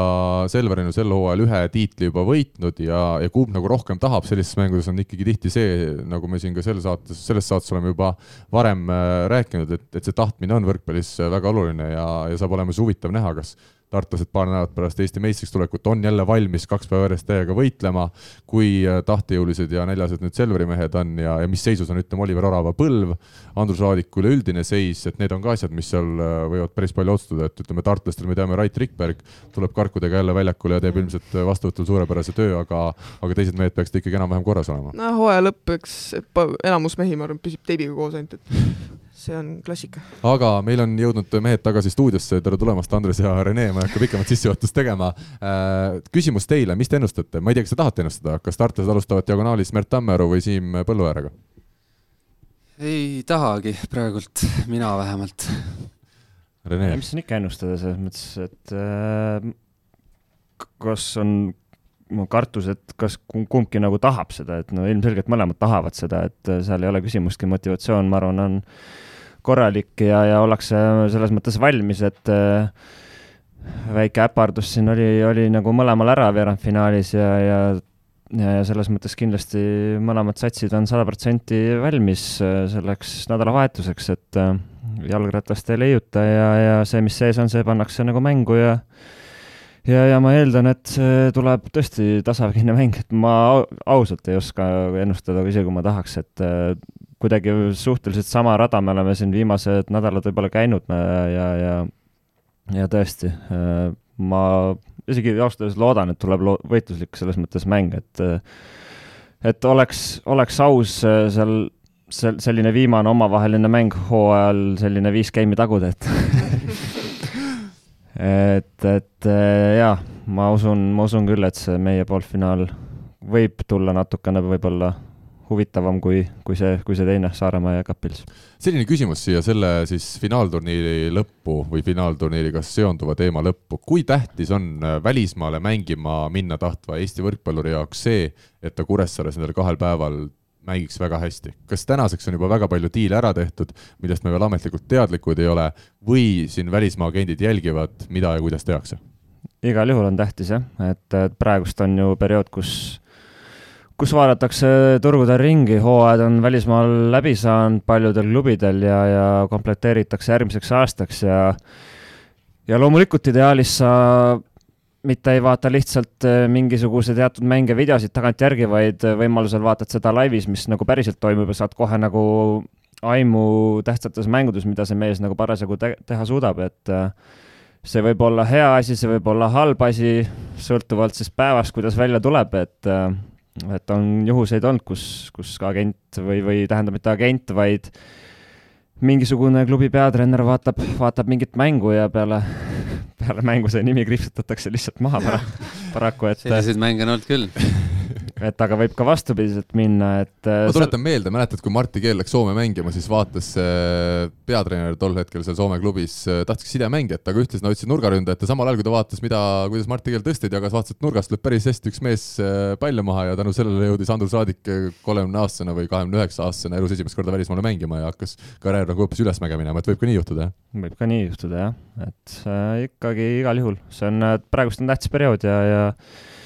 ja, ja mängijate turg kihab täiega hetkel. ja et, et ja praegult ma arvan, eriti neile meestele, kellel on seal see koondise kutse ka ja on, on siin igal pool ära märgitud, siis eks, eks kindlasti need äh,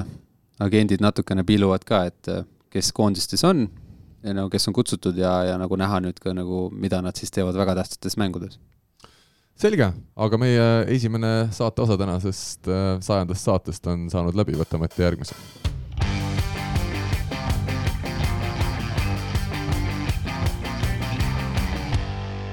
esimest korda siis klubi ajaloos TalTech Tradehouse'i naiskond krooniti Eesti meistriks. kõik kolm tiitlit, mis tänavu välja mängiti, Eesti karikas, Balti liiga ja Eesti meistrivõistluste, siis kuldmedal äh, TalTech Tradehouse'ile läks. Äh, naiskonna peatreener Marko Mett äh, ja naiskonna kapten Mari Loormann siis võitis viimaks oma esimese Eesti meistrivõistluste kulla ja tuletame meelde ka, Mari Loormann, kes siis täna on juba soliidses eas, äh, mis algab numbriga neli, äh, tuli naiskonda kahe tuhande kaheteistkümnendal aastal. Tiit Kõiv, kes oli kusjuures viimasel finaalmängul äh, pukis siis kohtunikuna, ta sinna kutsus. Mari oli kogu elu mänginud harrastajana võrkpalli, aga kahe tuhande kaheteistkümnendast aastast oli ta siis võistkonnas ja nüüd viimaks üheksa aastat hiljem tuli Loormann ka kaptenina võistkonnaga Eesti meistriks ja teatas, et tema saalivõrkpalluri karjäär on ilmselt läbi. eks need põlved tegelikult juba andsid aastaid tagasi märku, et see karjäär peaks vaikselt läbi saama, aga, aga Mari me kõik tunneme ja, ja suvel ikkagi rannas mingil moel proovib veel mängida kuuldavasti. Äh, Kertu, millised on sinu mõtted? Äh, võit siis finaalseerias mängudega kolm-null, tubli vastupanu osutanud harrastajate Võru Famila vastu jaa, selles mõttes Võru üle on mul väga hea meel, et nad sellise ägeda satsiga, noh, nad mängivad sellist võrkpalli ka, mis on nagu väga ebastandardne, et äh, Liise Hullas on seal tagaliinis,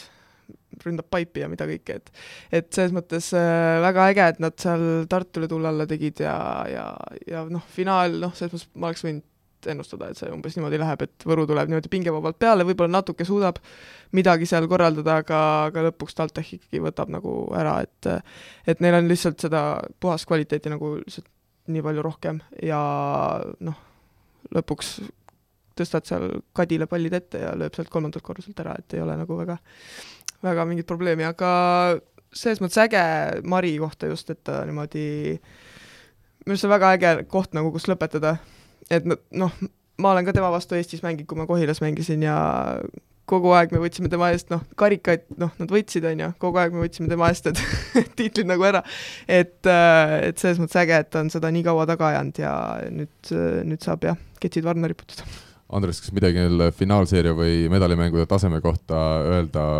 pakkus see sulle mingeid üllatusi, oli keegi mängija, keda sa, sa oskaks esile tuua või millised olid sinu sellised mõtted?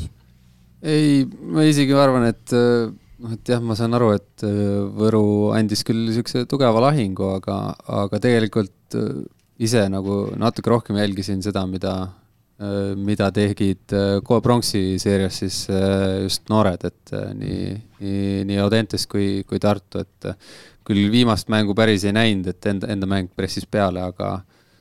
aga see tundus natukene nagu huvitavam, et, et seal oli kuidagi seda pinget rohkem õhus, et ükskõik, ma teadsin seda lihtsalt, et isegi kui, kui Võru suudab seal natukene suruda, siis,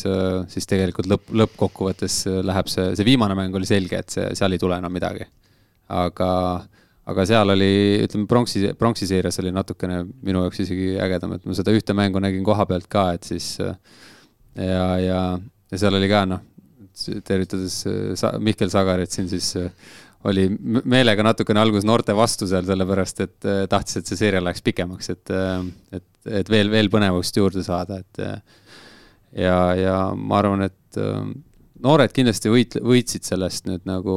sellest hooajast, aga TalTechi poole peal jah, et nad võtsid kindlalt kõik oma, oma, omad asjad ära, et aga ma arvan, et finaalseeria jaoks, kus oleks nagu tõsiselt läinud äh, mingiks äh, kõvaks mänguks oleks pidanud ikkagi Võru tund-, tunduvalt parem olema, et äh, ja loomulikult au Võrule, et nad, äh, nad suutsid väga jah, nagu sa ütlesid, Kertu, et väga ebastandardset ja, ja sellise võistkonnaga, kus sul on noh, profid sees ja nii edasi, siis mängida väga ebastandardse võistkonna vastu ongi, ongi imelik ja, ja, ja vahest sa ei suuda ennast kuidagi, kuidagi aru saada isegi, et mis sealt nagu teiselt poolt tuleb, et ja, ja see võib tekitada niisugust ebakindlust, et ma arvan, et kui,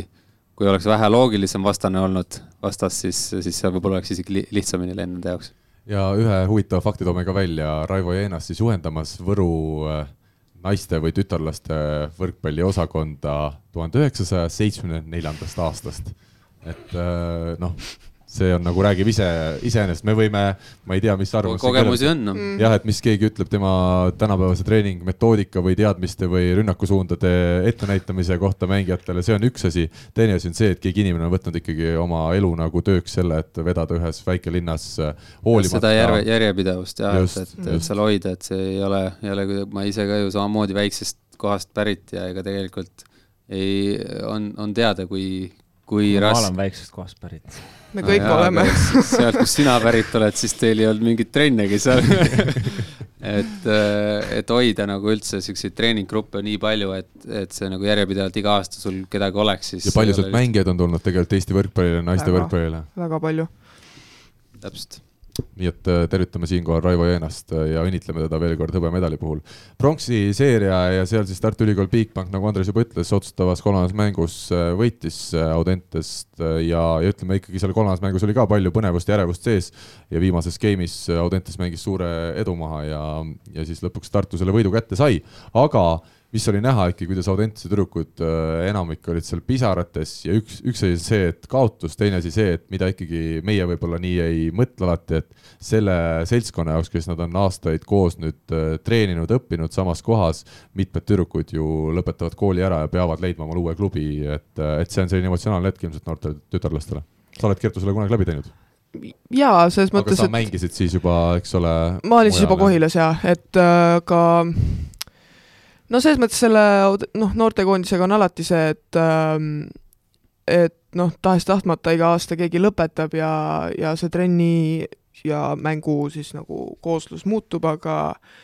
aga ikka noh, kui isegi, kui me noortekoondisega nagu käisime mängudel, siis äh, noh, kui tead, et juba on nagu viimane, viimane turniir, et siis on ikka noh, kuidagi üritad võtta nagu viimast sellest, meil muidugi läks see on muidugi hea lugu, et see viimane üheksakümmend kaheksa koondise siis äh, reis läks meil väga pikaks lõpuks, et me, me, me olime vist Rumeenias ja, ja lumetorm oli jaanuaris. Ja me ei saanud minema sealt kuidagi, kõigepealt olime ühe öö kauem seal Rumeenias, siis me Islam-, Istanbuli kaudu veel reisisime, need, neil oli seal lennujaamas täielik ummik ja siis olime öö läbi veel seal Istanbuli lennujaamas ka ja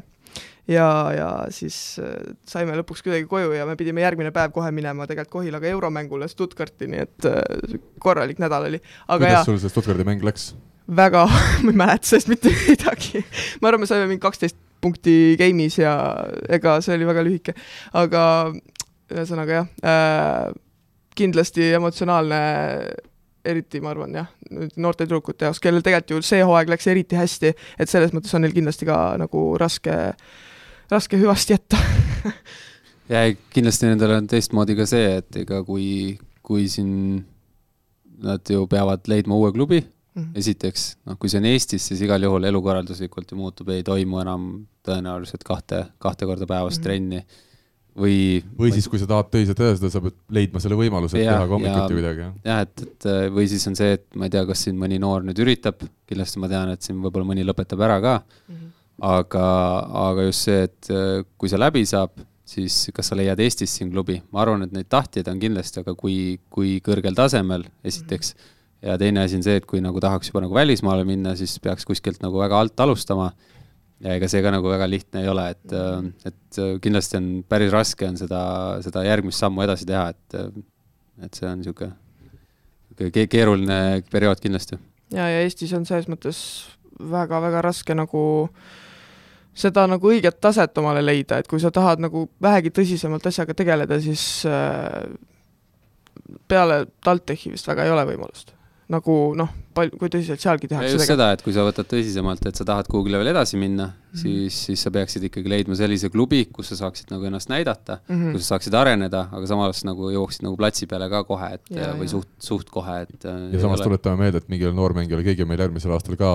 mingit raha pakkuma ei hakka, ehk siis sa pead seda tegema kas töö kõrvalt või siis äh, ülikoolis käimise kõrvalt ja ütleme, lootes, et vanematel on see võimalus, et, et toetada oma, oma last jah, eks see on jah, seal praegu noortel on no ega, ega väga naljalt ju ütleme, poisid või noormehed ei, ei saa ka niimoodi peale, aga, aga eks kõik loodavad või ootavad seda mm, -hmm. aga, aga, aga see päris, nüüd tuleb see, ütleme natuke väike reaalsus, mis, mis nagu toimub küsimus nüüd, äh, kas TalTech Tradehouse'i järgmise hooaja kohta on kellelgi mingisugust äh, infot või on sellest veel vara rääkida? tänavusel hooajal siis tehti selline erand, et, äh, et pandi sinna meie paremad mängijad suures osas kokku ja, ja üritati leida siis lahendust sellele koroona ajale, kui kui välismaale mängima korralike lepingute peale ei saanud, aga me kõik teame, et see kõik oli mõeldud Soome liiga jaoks ja hoopis teistmoodi, kui ta lõpuks välja kukkus, aga mis järgmisest aastast saada, saada võib, Kertu Andres ka vist veel ei oska öelda jah, ei, ei oska hetkel veel midagi öelda jah, et siin eks peab ära kuulama kõigepealt, kas ja mis edasised plaanid on osadel ja, ja ja eks, eks see oleneb ka siin, kuidas need turud avanevad või, või kuidas keegi, kuidas keegi välismaale saab, nii et see, see protsess on veel ees. ma arvan, et nad enne vist vaatavad selle koondise esimese poole ära, valikturniiri ja Euroopa hõbeliiga, kuidas seal läheb ja siis võib-olla pärast seda, kui on juba rohkem teada, kes naiste siis koondise põhitegijatest näiteks on välismaale saanud mingi lepingu või, või veel ei ole, et siis hakatakse seda plaani ka äkki uuesti arutama. aga naiste siis tänavuse meistriliiga põhiseitsmiku olgu või sümboolne seitsmik olgu ette loetud, sidemängija Julia Mõnnakmäe, parim libero Kristin Õlvak, diagonaalründaja Kadi Kullergann, temporündaja Liisa Peit, temporündaja teine siis Eliise Eliise Hollas, parim nurgaründaja Anette Peit ja teine parim nurgaründaja Eva-Liisa Kuivanen. Rene mis sa muigad seal? ei midagi, Rene tahab võtta ette juba vaikselt järgmise teema ja ma ütlen ausalt, mis lõpetuseks, ma ei tea, ma teen kindlasti TalTechi naistele nüüd liiga ja nad kõik on solvunud ja pettunud mu peale, aga minu jaoks oli natuke üllatav see, kui palju tuli pärast sellist ütleme siis kõigile nagu oodatud võitu Instagrami igale poole sotsiaalmeediasse mingeid võiduvideoid, seal šampuse lahti tegemine kuskil duši all pärast võidupidu, et kas pigem vist see oli sellepärast, et pikk hooaeg ja raske hooaeg sai läbi ja lõpuks sai ennast korraks vabaks lasta, et noh, see võit ju iseenesest äh, ei olnud nii suur uudis endale endalegi ju jah, aga No- no, samas on see, et sa ei saa ju valida endale vastast, vastane on Jah. see, kes on, on ju. ja tiitel on tiitel ikkagi nagu, mm.. puhkus on puhkus. just täpselt, et eks seal on mitme asja koosmõju, et äh, võib-olla jah, nagu ma just ennem siin ka seda, sellel teemal ütlesin, ega võib-olla eriti meestel on võib-olla raske nagu välja elada seda, et noh, et ma ütlen, kui me karika võitsime, siis see, see sinna kokku jooksmine, see nagu tundus ka niisugune nagu võib-olla võlts, sest me ei oska võib-olla päris hästi välja elada, võib-olla, võib-olla nemad tõesti tundsid seda emotsiooni vähe ehedamalt ja, ja, ja paremini ja ja et see ei ole tegelikult halb asi nagu iseenesest, kui sa suudad ole võidust rõõmu tunda. loomulikult, et noh, see selleks, et kas, kas vastane oli nagu nõrgem või mitte, et äh, nemad tegid, tegid selle asja ära ja võib-olla teatud, teatud naistel oli ka päris korralik pingelangus sellest, et kogu aeg ju me oleme siin samamoodi rääkinud, et nad peaksid võitma, nad peaksid võitma ja, ja kui nad isegi siin kaotasid neid game'e, siis teatud mõttes see tekitab ikka mingeid pingeid ja, ja lõpus, kui nad suutsid kolm-null kõik ära siin või viimase mängu ära võtta väga kindlalt, siis, siis teatud pingelangus ka kindlasti. ja Mari jaoks oli ju viimane ka, nii et oli, oli põhjust, oli põhjust. nii et õnnitleme siin kõiki medalivõitjaid ja läheme edasi oma saates järgmise teema juurde. milles case? Kui otsid telefonile kaitseklaase, ümbriseid laadijaid ja muid tarvikuid ning vajad esimese tempo kombel kiiret kättetoimetamist, siis mine vaata www.case.ee Saksamaa kõrgliiga juurde tuleme nüüd siis oma tänases saates järgmise teemaploki juures, ma vaatan otsa Rene Teppanile, Rene on valmis, kohvi on sees ja nüüd jutt käima, Berliin juhib äh, kolme võiduni peetavat finaalseeriat Friedrichshafeni vastu kaks-null, esimene mäng väga napilt kolm-kaks võideti, seejuures tuldi välja null-kaks kaotusse just. Ja teine mäng juba kindlalt kolm-null Berliinile, kas see seeria on juba kahe mänguga sisust otsustatud? noh, ei tahaks sündmustest ette rutata, aga kahjuks vist tundub küll nii jah, et äh, see esimene mäng nagu oli võtmetähtsusega, et äh, et tõotas tulla võrdsete nii-öelda heitlus tegelikult, et Berliin võib-olla ei ole ikkagi komplekteeritud nii hästi kui võib-olla varasematel aastatel just Saksamaa nagu liigat silmas pidades, et äh, raha neil on olnud tõesti rohkem siin juba viimased kolm-neli aastat kui teistel, aga aga samas Friedrichshafen ise on natukene paremini võib-olla oma asju seal organiseerinud kui varasemalt, et see vahe nagu tuli natukene, ütleme, mõlemad tulid natukene vastu üksteisele selles osas, et äh, aga mis siin tõesti jah, esimene mäng võitluslik, nii nagu arvata võis, aga ütleme, see teine mäng kuidagi, kuidagi nagu natuke hambutu Friedrichshafeni poolt jah, et äh, et nägid sa ka äh, mänge või? ei, otse ei näinud kahjuks jah. no statistikale põhinedes jah, teises mängus siin polegi enam nagu midagi, need lõppnumbrid ise näitasid ära, kui selgelt läks Berliini kasuks, esimene mäng oli siis Friedrichshafenis, aga teine, teine Berliinis, mis nüüd värske papa tegi, meie siis äh, Eesti koondise nurgamees äh, Martti Juhkami, ei, ei olnud eriti särav, siin esimeses mängus tuli vahetusest sisse ja kaks punkti, teises mängus oli algkoosseis aga seitse punkti, efektiivsusnäitaja miinus viis ma ei teagi nüüd, kas see kajastus nagu kogu võistkonna mäng siin või just see, et Martti käis vahepeal Eestis ja oli mõtted äh, kõigel muul, aga, aga mitte sellel finaalseerial. ma ei usu, et mõtted mujal, et äh, pigem noh, siin ta sai ära käia ja selles mõttes ülimalt hea meel selle nii-öelda sündmuse puhul, ütleme siis. palju õnne, kaksikud. jah, palju õnne, väga äge, et et, et aga, aga eks tal on ju see õla mingi mure ka seal, et, et paraku vist ikkagi on see võistkond piisavalt õhuke neile, et ta on võtmetähtsusega seal ja, ja ütleme, kui nad siin häid asju tegid äh, meistrite liigaski, ega siis ta ju tegelikult oli ikkagi kandev ründajõud, on ju. Ja, ja ütleme, see diagonaal, neil on ka selline võimas kuju, aga ütleme, ta on ikka niisugune pigem vanakooli diagonaal, kes nagu lööb küll võib-olla kohati võimsalt ja kõrgelt, aga üsna nagu sirgjooneliselt, et äh, hea plokikaitsega võistkond, ütleme, suudab ta ikkagi kontrolli all hoida, ma ei ütle, et äh, täitsa ära lõigata teda võib-olla, aga, aga ikkagi kontrolli all hoida. ja, ja ütleme noh, Freeshuffenis võib-olla mingisugune nõrkus kerge on olnud see, et seda teist nii-öelda ründavat nurgaründajat neil ei ole see aasta olnud, et see Marechal on pigem niisugune vastuvõtja ja noh, ütleme ta ei ole esimeses nooruses ka enam, on ju ja kui neil ongi vastuvõtt, ütleme seal nagu natukene eemal, siis, siis neil ongi raske, sest tempomehed küll on enam-vähem okeid, noh, mitte enam-vähem, vaid ongi okeid. aga, aga ikkagi noh, Berliinil ütleme, on seal teatud mehed, kes, kes on võimelised häid mänge kohati tegema ja, ja Päts diagonaalis tegi, tegi oma ära ja sellest nagu selles mõttes piisas, teised natuke toetasid ja, ja nii ta läks jääme lootma, et siin veel mingisugune üllatus sisse tuleb ja Friedrichshafen suudab selle kullaseeria siis enda kasuks äh, pöörata. soovime Martile edu, samas Eesti koondise tuleb meistritiitel igal juhul Cedric Enard siis Berliini jätkuvalt on juhendamas. Mart Naaber jäi Hispaanias siis äh, Teruelli meeskonnaga finaalist välja, Almeriale kaotati poolfinaalseerias Timo Tammemaa ja Resovia meeskond, millel meie oleme tänavu väga palju põhjusega kaasa elanud, lõpetas hooaja siis Poolas viienda kohaga, viienda-kuuenda koha mängus alistati Gdansk kolm-null. kas Timo nüüd on jätkamas seal äh, Resolves või mitte, ma tean, et kuulujutud, mingid Poola meediasaidid räägivad, et justkui seal see teine tempomees oleks jätkamas, samas äh, tal on küll leping, aga vist tahetakse see leping varem ära lõpetada, et äh, võtta ikkagi Tammemaa järgmiseks hooajaks, olen ma õigesti aru saanud asjadest või? No jällegi vaata, see ei ole see koht, kus ma saan midagi öelda, onju. isegi kui ma tean või ei tea, siis ma ei saa nagu võib-olla mhm. infot mm, nagu tee, jagada. tee siuke hea keerutus praegu selle teema ümber, selline professionaalne keerutus. tegi praegu, et, et kõik on võimalik. ta teab, aga, aga ma sulle küll ei ütle ei no see lihtsalt on, ütleme, eetika küsimus, et mm -hmm. see info suurtes liigades tihtipeale ongi nii, et avalik saladus, aga ütleme,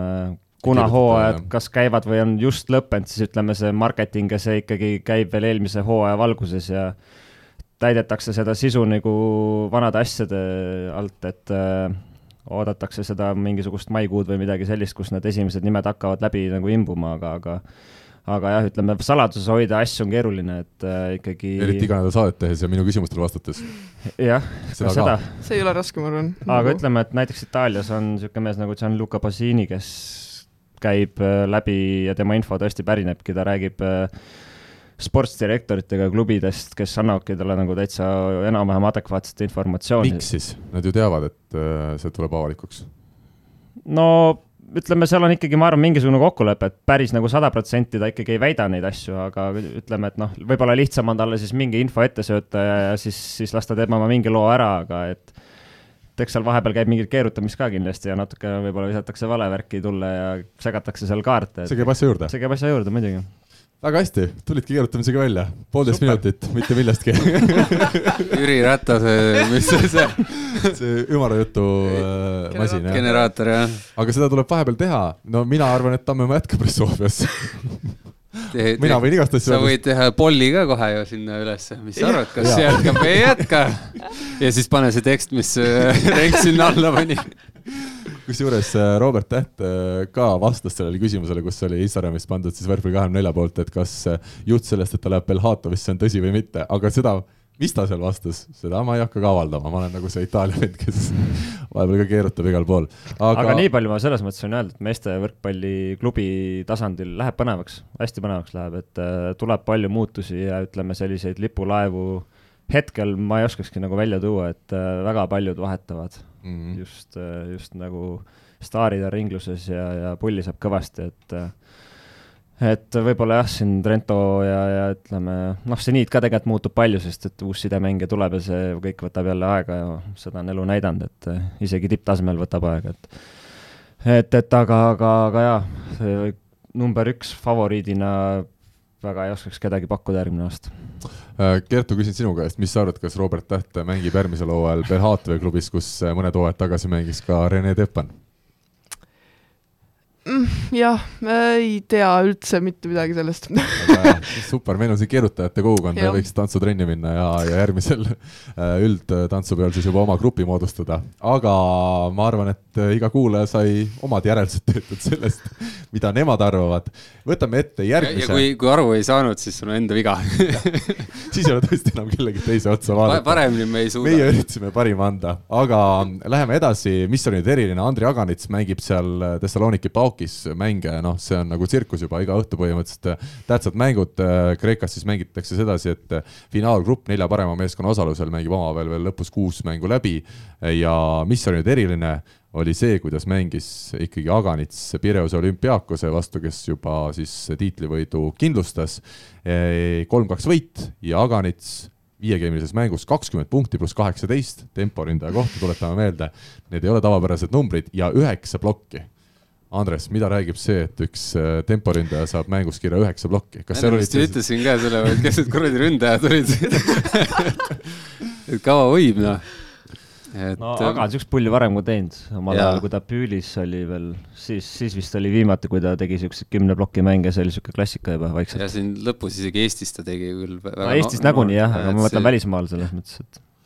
ei no ploki kvaliteet on hea jah, aga ütleme, üheksa plokki on ilmselgelt ikkagi number, mida igapäevaselt ei, ei kohta. jah, et see on nagu mingi siukse vana,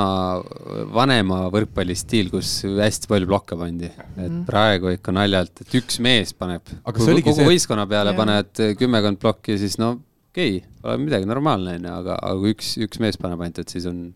et see tuleb siis sellest, et vanasti mängitigi rohkem sellist sirgjoonelist mängu, kus äh, rünnati tugevalt ja täie, kui oli plokk ees, siis oli mm. -hmm. lööme uuesti, loodame, et seekord äkki läheb plokist out'i ja, ja eks seal sisse natuke rohkem loobiti nende kätega ja see süsteem ei olnud paigas, et äh, siis võib-olla ütleme, saadi plokiga rohkem punkte ja kaitses vähem kätte. nüüd on nüüd on nagu natukene vastupidi, et kui otse punkte saada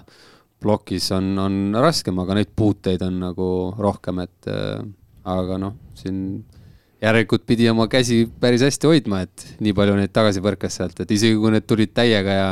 ja, ja et ei, igal juhul Andrile kiitust. no see oli huvitav mäng, ma ausalt öeldes isegi vaatasin seda natuke, leidsin üles oma Ametlikud maagilisest kanalid. boksist seal kodus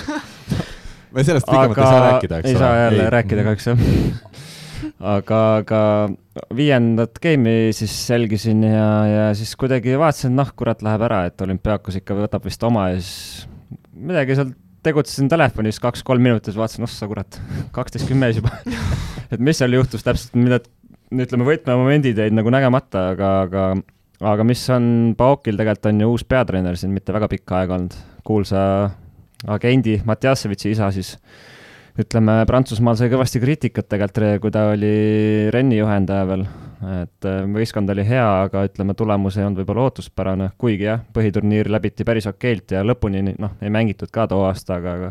mängijate poolt tuli päris palju seda kriitikat olnud, aga no järelikult ikkagi mingi klass ta nagu selles mõttes on olemas. võib-olla siis võrreldes varasemaga, ma, ma ei tea, Andrei oskab seda paremini öelda, aga aga tulemused iseenesest on tegelikult täitsa tebes-sobes on viimasel ajal neil oli jah, siin mingi paha moment, kus, kus koroona ka käis korra üle, aga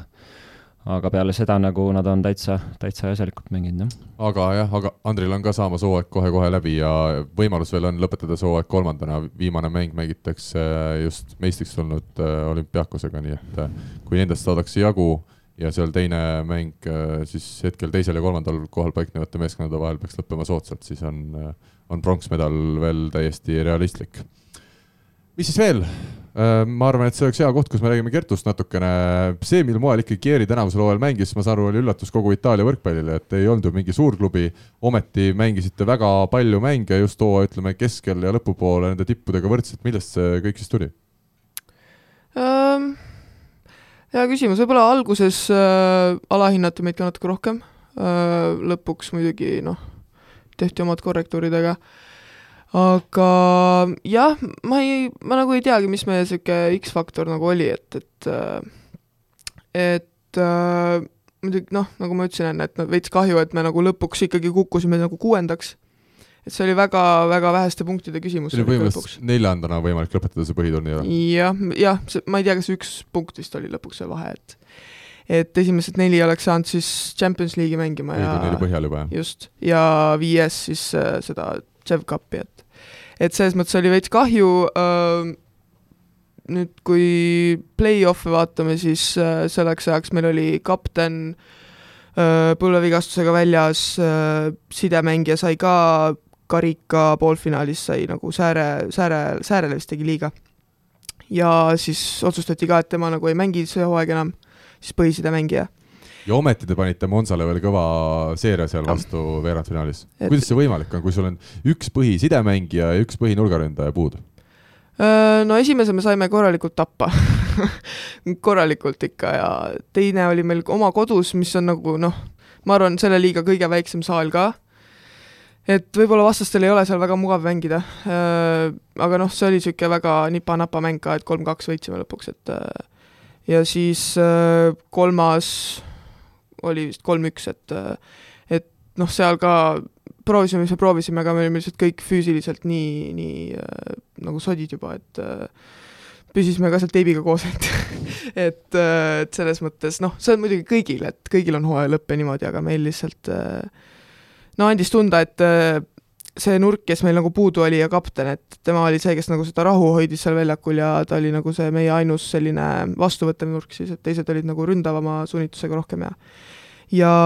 noh, tegelikult ei ütleks, et vastuvõtu pealt nii väga isegi logises, aga, aga eks neid ässasid meile seal löödi ja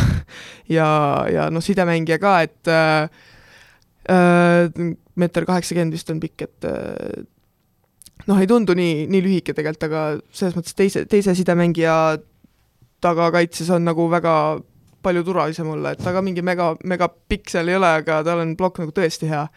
et selles mõttes me pidime ikka väga palju vangerdama seal, et, et teda nagu plokis katta ja, ja nagu kaitsesüsteeme nagu ümber muutma, et selles mõttes äh, väga huvitav play-off oli nagu meie jaoks ka, et nagu seda auku seal veits katta, jah Monza puhul lihtsalt ütlen kuulajatele ka, on tegu selle hooaja CEF Cupi ehk siis tugevuselt teise eurosarja kuldmedalistiga, nii et ikkagi vaieldamatu Euroopa tippklubi. Kertu, enne saadet rääkisime natuke, sa ütlesid, sa ikkagi pidid trennides mingitel hetkel ka, hetkedel ka sidemängijana tegutsema, räägi lähemalt sellest, kui pikk see periood oli ja miks? jaa, see oli vist äh, sügisel, kui äh, samamoodi esi, esimene sidemängija meil oli koroonapositiivne ja jah, tol hetkel siis nii-öelda, kui me kuus, kuus versus kuus tegime, siis äh, see nii-öelda teine sidemängija läks siis äh, sinna põhipoolele ja mina siis äh,, kui oli vaja tõsta, siis tõstsin mina kuidas välja tuli?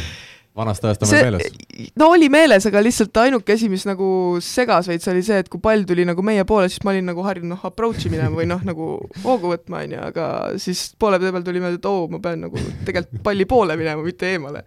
et selles mõttes oli nagu huvitav ja noh nelja peale oskad, oskad tõsta küll, aga mujale tõstada ka ei läinud seal minu poole peal. siinkohal võtan ette meie teise tänases saates oleva diagonaalründaja Rene, kas sina, kui peaks ka juhtuma, et näiteks Nigo Habakoski on kuskil Soomes äh, rokkfestivalil, siis saaksid sa hakkama selle tööga? sealt vist isegi nelja peale ei tuleks. tuleb, tuleb noh ära ei lööda ründajad nagu peeglisse vaadata, noh. kindlasti, kindlasti. ja vastuvõtt on ka halb no,. loomulikult on sa teed häid kõrgeid tõsteid või? no väga hästi on ju. Mhm. siis on ju oma teha ründajal. et ära oled mees, ei löö, mine ja kusjuures ja me, meil seal äh, viimastes mängudes, kusjuures me seal varukastis oma, omakeskis arutasime, et meil on see kõrgete pallide löömine on nii hea, et minu arust võikski kogu aeg mängima kõrget palli ainult kõik meil on ka olnud sellel, sellel hooajal see teema, et negatiivsest vastuvõtust on olnud päris tihti rünnakuprotsent parem kui, kui heast vastuvõtust, nii et ja kuulajatele, kes ei tea, siis Kertu ikkagi äh, noor, noorteklassides mingi hetkeni mängis veel sidemängija positsioonil, nii et see ei olnud mitte juhuslik, et treener ta sidemängijaks äh, pani. kas sa kokkuvõttes jääd hoo aega rahule, see, et sa olid seal ikkagi Kaja Krobelna asemel teine diagonaalründaja mulle tundub, et kui reeglina ollakse teised diagonaalid, siis väga rahul ei olda, sest ikka tahetakse olla põhis ja, ja mängida õige mänge, aga arvestades, et teil hooaeg oli edukas ja Krobelna näol on tegu ikkagi korraliku mängijaga, siis sa said seal natukene oma võimalusi ja kasutasid neid hästi ära, et kokkuvõttes kuidas sa suhtud sellesse hooaega? No seda küll jah, et, et need võimalused, mis ma sain, ma arvan, nagu ei olnud kõige hullemad esitused, et et äh, eks ikka, eks ikka tahad rohkem mängida ja lõpuks on see, et kui sa noh, trennis võid ju õppida palju sa tahad, aga no kuidagi tuleb see nagu platsil ikkagi nagu kasutusse ka panna, jah. et lõpuks oligi niisugune tunne, et mul on nagu peas olemas kõik see, mis ma nagu tegema pean, aga nagu tahaks nagu teha seda. et, äh, et eks vaatame jah, et, äh, et mis, mis nagu järgmine hooaeg saab, et äh, praegu on nagu kõik selles mõttes lahtine, et, et tahaks nagu jah, põhieesmärk oleks nagu see, et mänguaega saada nagu piisavalt. nii et see, kas sa Kieris jätkad või mitte, ei ole veel täna risti löödud? jah, see ei ole jah, praegu avalik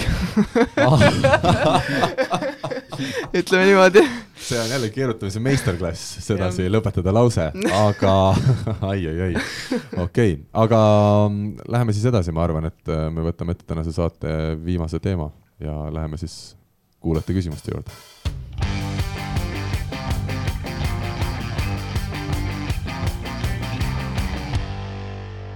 siinkohal täname siis Nelisporti, kes oli kuni eelmise saateni kenasti meiega küsimusmängu rubriigi toetajana kaasas. Ja neid neljakümne euroseid kinkekaarte siis äh, välja jagas. aitäh panuse eest saatesse ja, ja edu äh, tulevikuks. aga me võtame nüüd siis ette eelmisel korral veel küsimata jäänud küsimusi, vaatame, palju me neid võtta jõuame, aga ette on meil need äh, siin pandud. esimene küsimus, Karl Aavik küsib, hei, millised Eesti võrkpalliklubide kodumängud on parima feelinguga? mõtlen siinkohal kaasaelate aktiivsust ja möllu, palun järjestage endale meeldivamat. noh, viimastel kuudel kindlasti Pärnu võrkpalliklubi, need papist kujud seal tribüünil, need on suht vaiksed, aga nad ikkagi jälgivad, nad on rõõmsad alati ja, ja seda on nagu tore olnud vaadata. vaatavad ühte punkti või? jah aga, aga on teil, võtame Kertu võib-olla, kas sa naiste võrkpallist oskad öelda, oled ju Eestis ka mänginud äh, veel nooremana päris äh, mitmed hooajad? jaa, minu jaoks alati olid TTÜ fännid sellised no minu jaoks siis nagu ebameeldivalt paljud et äh, alati olid kohal igal pool trummid, värgid. võõrsil mängudel ka? Jaa, enamasti küll, no vähemalt Eesti piires, et no Kohila ei ole ka väga kaugel TalTechist tulla. ei, absoluutselt jah. et äh, nemad olid alati jah, väga sellised äh,, me alati läksime saali, vähemalt mina olin, et oh jumal, fännid jälle kohal, et aga vaata, Rene on öelnud, et alati, et isegi kui see vastasvõistkond äh, ja nende poolehoidjad ei ole ju sinu poolt, siis on ikkagi lihtsam mängida sellise kõva lärmi sees, isegi kui nad ei toeta parasjagu sinu võistkonda, vastab see tõele või? Jah, võib, noh, nüüd kindlasti, et selles mõttes võib-olla enne, kui ma nüüd noh, Eestis mängisin, siis äh, võib-olla lihtsalt oligi asi see, et teistel võistkondadel ei olnud nii häälekad fännid, et siis ma ei olnud võib-olla harjunud sellega, aga absoluutselt nüüd ma küll tunnen, et, et äh, oleks vaid nagu suur publik, et siis noh, vahet ei ole, kelle poolt nad karjuvad, et siis on nagu kuidagi lihtsam ennast ka käima saada. Rene, kus on siis, no sa jälle Eestis mängisid nii ammu enne seda, kui publik veel ka käis saalis, et on sul sellest ajast mingi mälestus, ega teil Tartul olid kõvad poolhoidjad ju tol hetkel? Tartus meil omal ajal oli väga äge jah, et käidi, käidi ütleme üle Baltikumi nii-öelda, ehk siis ja. Lätis ka. Leedut too aasta ei olnud. Käisid igal pool kaasas, isegi Lätis. Ei no reaalselt, igal mängul minu arust oli keegi kohal jah, et küll, jah. Äh, see oli üliäge ja, ja no mis siin viimastel aastatel ilmselgelt äh, Saaremaa nuust tuli ja seal on alati ka mõnus, mõnus korraldus, mõnus atmosfäär, et äh, et võib-olla Tartus nagu natukene punt jooksis laiali mingil määral meil selle aja jooksul ja ja, ja kadus see side võib-olla natukene ära, et nad ei ole küll muidugi tänaseks kuhugi kadunud, aga, aga ütleme, et äh, sest möllu ei ole võib-olla enam nii palju. nojah, et äh, et aga mis see on, et äh, eks Eesti publik on selline tundlik, et kui on tulemust ja taset, siis nad on olemas ja, ja kui, kui seda liiga palju ei ole, siis, siis neid ka ei ole, et, et äh, aga, aga. kusjuures üks vastupidi, need on minu arust just Pärnu võrkpalliklubi hakkas siis elavnema, kui nad hakkasid nagu vaata meistriks tulema kaks aastat tagasi Tšisobaga, et täna neil on noh, ongi needsamad, võtame needsamad äh, papist kujud, kes on sinna pandud, ükski teine võistkond ei ole seda ju teinud, aga Pärnul on selline hästi kogukond, kellele meeldib igast asju teha ja ja Pärnul on, minu meelest on, neil on kõige võimsamad trummid vist, mul on niisugune tunne. Neil on peaaegu kõigil. ja need kõlavad isegi siis, kui need papist vennad seal jah, et, et sellega on küll jah, ma, ma ka järjest, eks noh, see, ma arvan, et kõige häälekamad ja niimoodi olid, on ikkagi saarlased. saarlased ja neid on vist kõige rohkem. jah, neid on kõige rohkem. ka elavad kaasa terve mängu seal. ja, ja noh, Tartul on niisugune oma punt olnud kogu aeg, nüüd oli ka kuuldavasti, võtsid nad päris ägedalt nad vastu, kui nad jõudsid Tartusse Äh, kindlasti Pärnu on siis, äh, on siis seal kolmas, võib-olla Pärnu see aga samas TTÜ on ka nagu üllatunud, nad on kuidagi selle üliõpilasvärgi seal hästi käima saanud. minu teada nad tegid selle, et eelmine aasta, miks oli ka hästi palju, et nad kuidagi ühendasid sellega, et selle spordiga, et äh, vaata need spordi mingid tunnid on ka neil. Ja siis nad, kui nad seal käisid, siis nad said või vaatamas käisid, siis nad said sealt juba nagu oleksid käinud nagu sporditunnis ka või midagi iganes. okay aga tegelikult see nagu tõi päris ägeda atmosfääri sinna. tõi küll ja, ja tundus vaata, et sul jäi mulje, et oli ikkagi rahvast rohkem ja oligi rahvast rohkem, aga noh, teinekord olles seal publikus sees, sa vaatad, see musulmann seal, noh, ta oli telefonis ja ta ei teadnudki, kas see on võrkpalli või korvpallimäng, mida ta parasjagu vaatama ei tulnud, aga tal oli vaja seal. see ei ole oluline. see ei ole oluline. peaasi, et statistikasse läks kirja, et on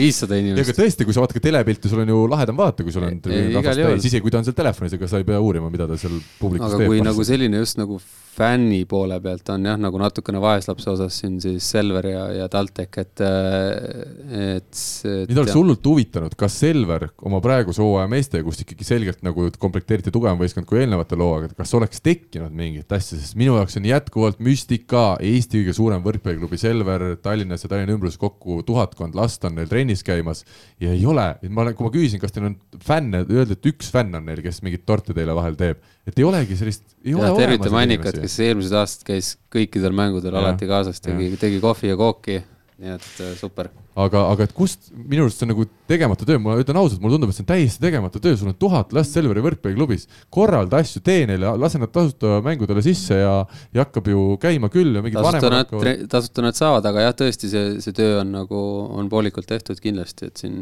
ei, ei saa nagu vastupidist väita, et, et noh, et kuidagi ei ole see, see on olnud, ütleme, see miinuspool, see kuidagi sinna Audentesesse nende, nende inimeste meelitamine jah, et, et ainult tähtsamad mängud on, on, on võib-olla rohkem rahvast, aga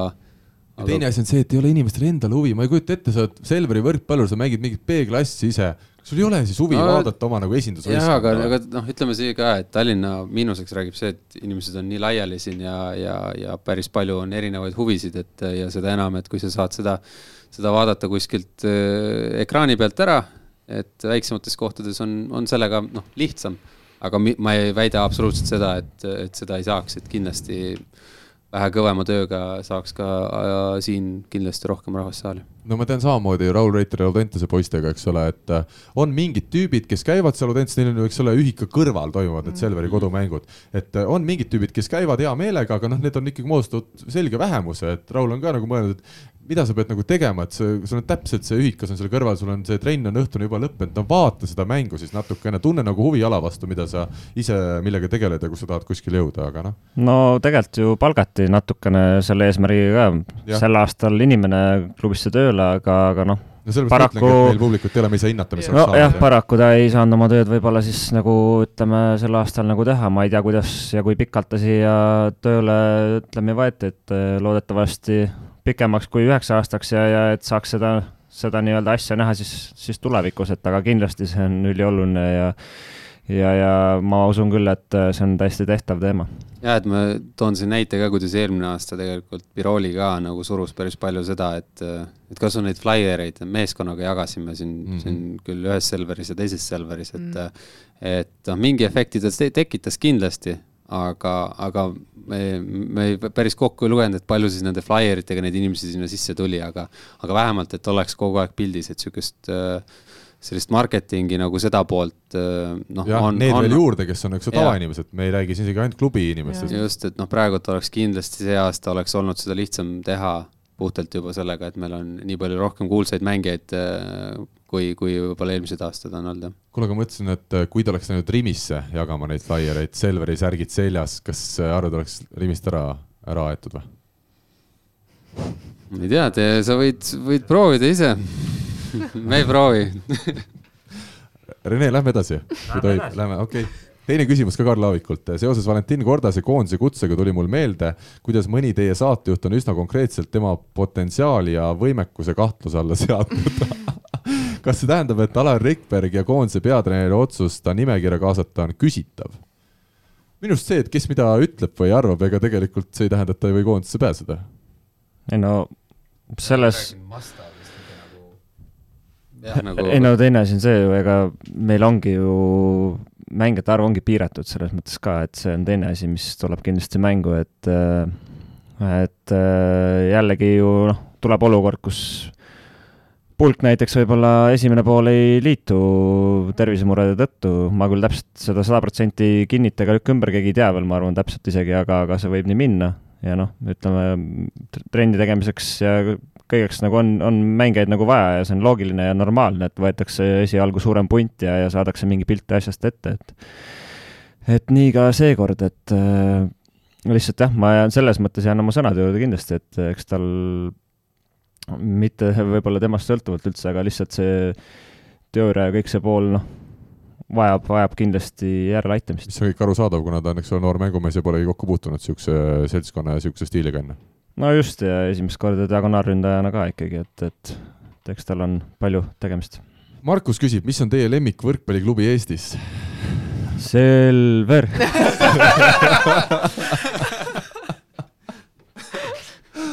et see oli Rene üks selle saatesarja paremaid hetki. Kertu, mis sinu lemmikklubi üks ja ainus, üks ja ainus. kas ma pean ka Selver ütlema nüüd vist? mulle tundub. või siis tea, lähen kas- lihtsalt vaikselt kohvi peale. kas see on hea alati viis jah? aga Selver ei ole millegipärast saadet nagu toetama hakanud, ma ei tea, kas nad ei kuula seda või nad ei ole aru saanud.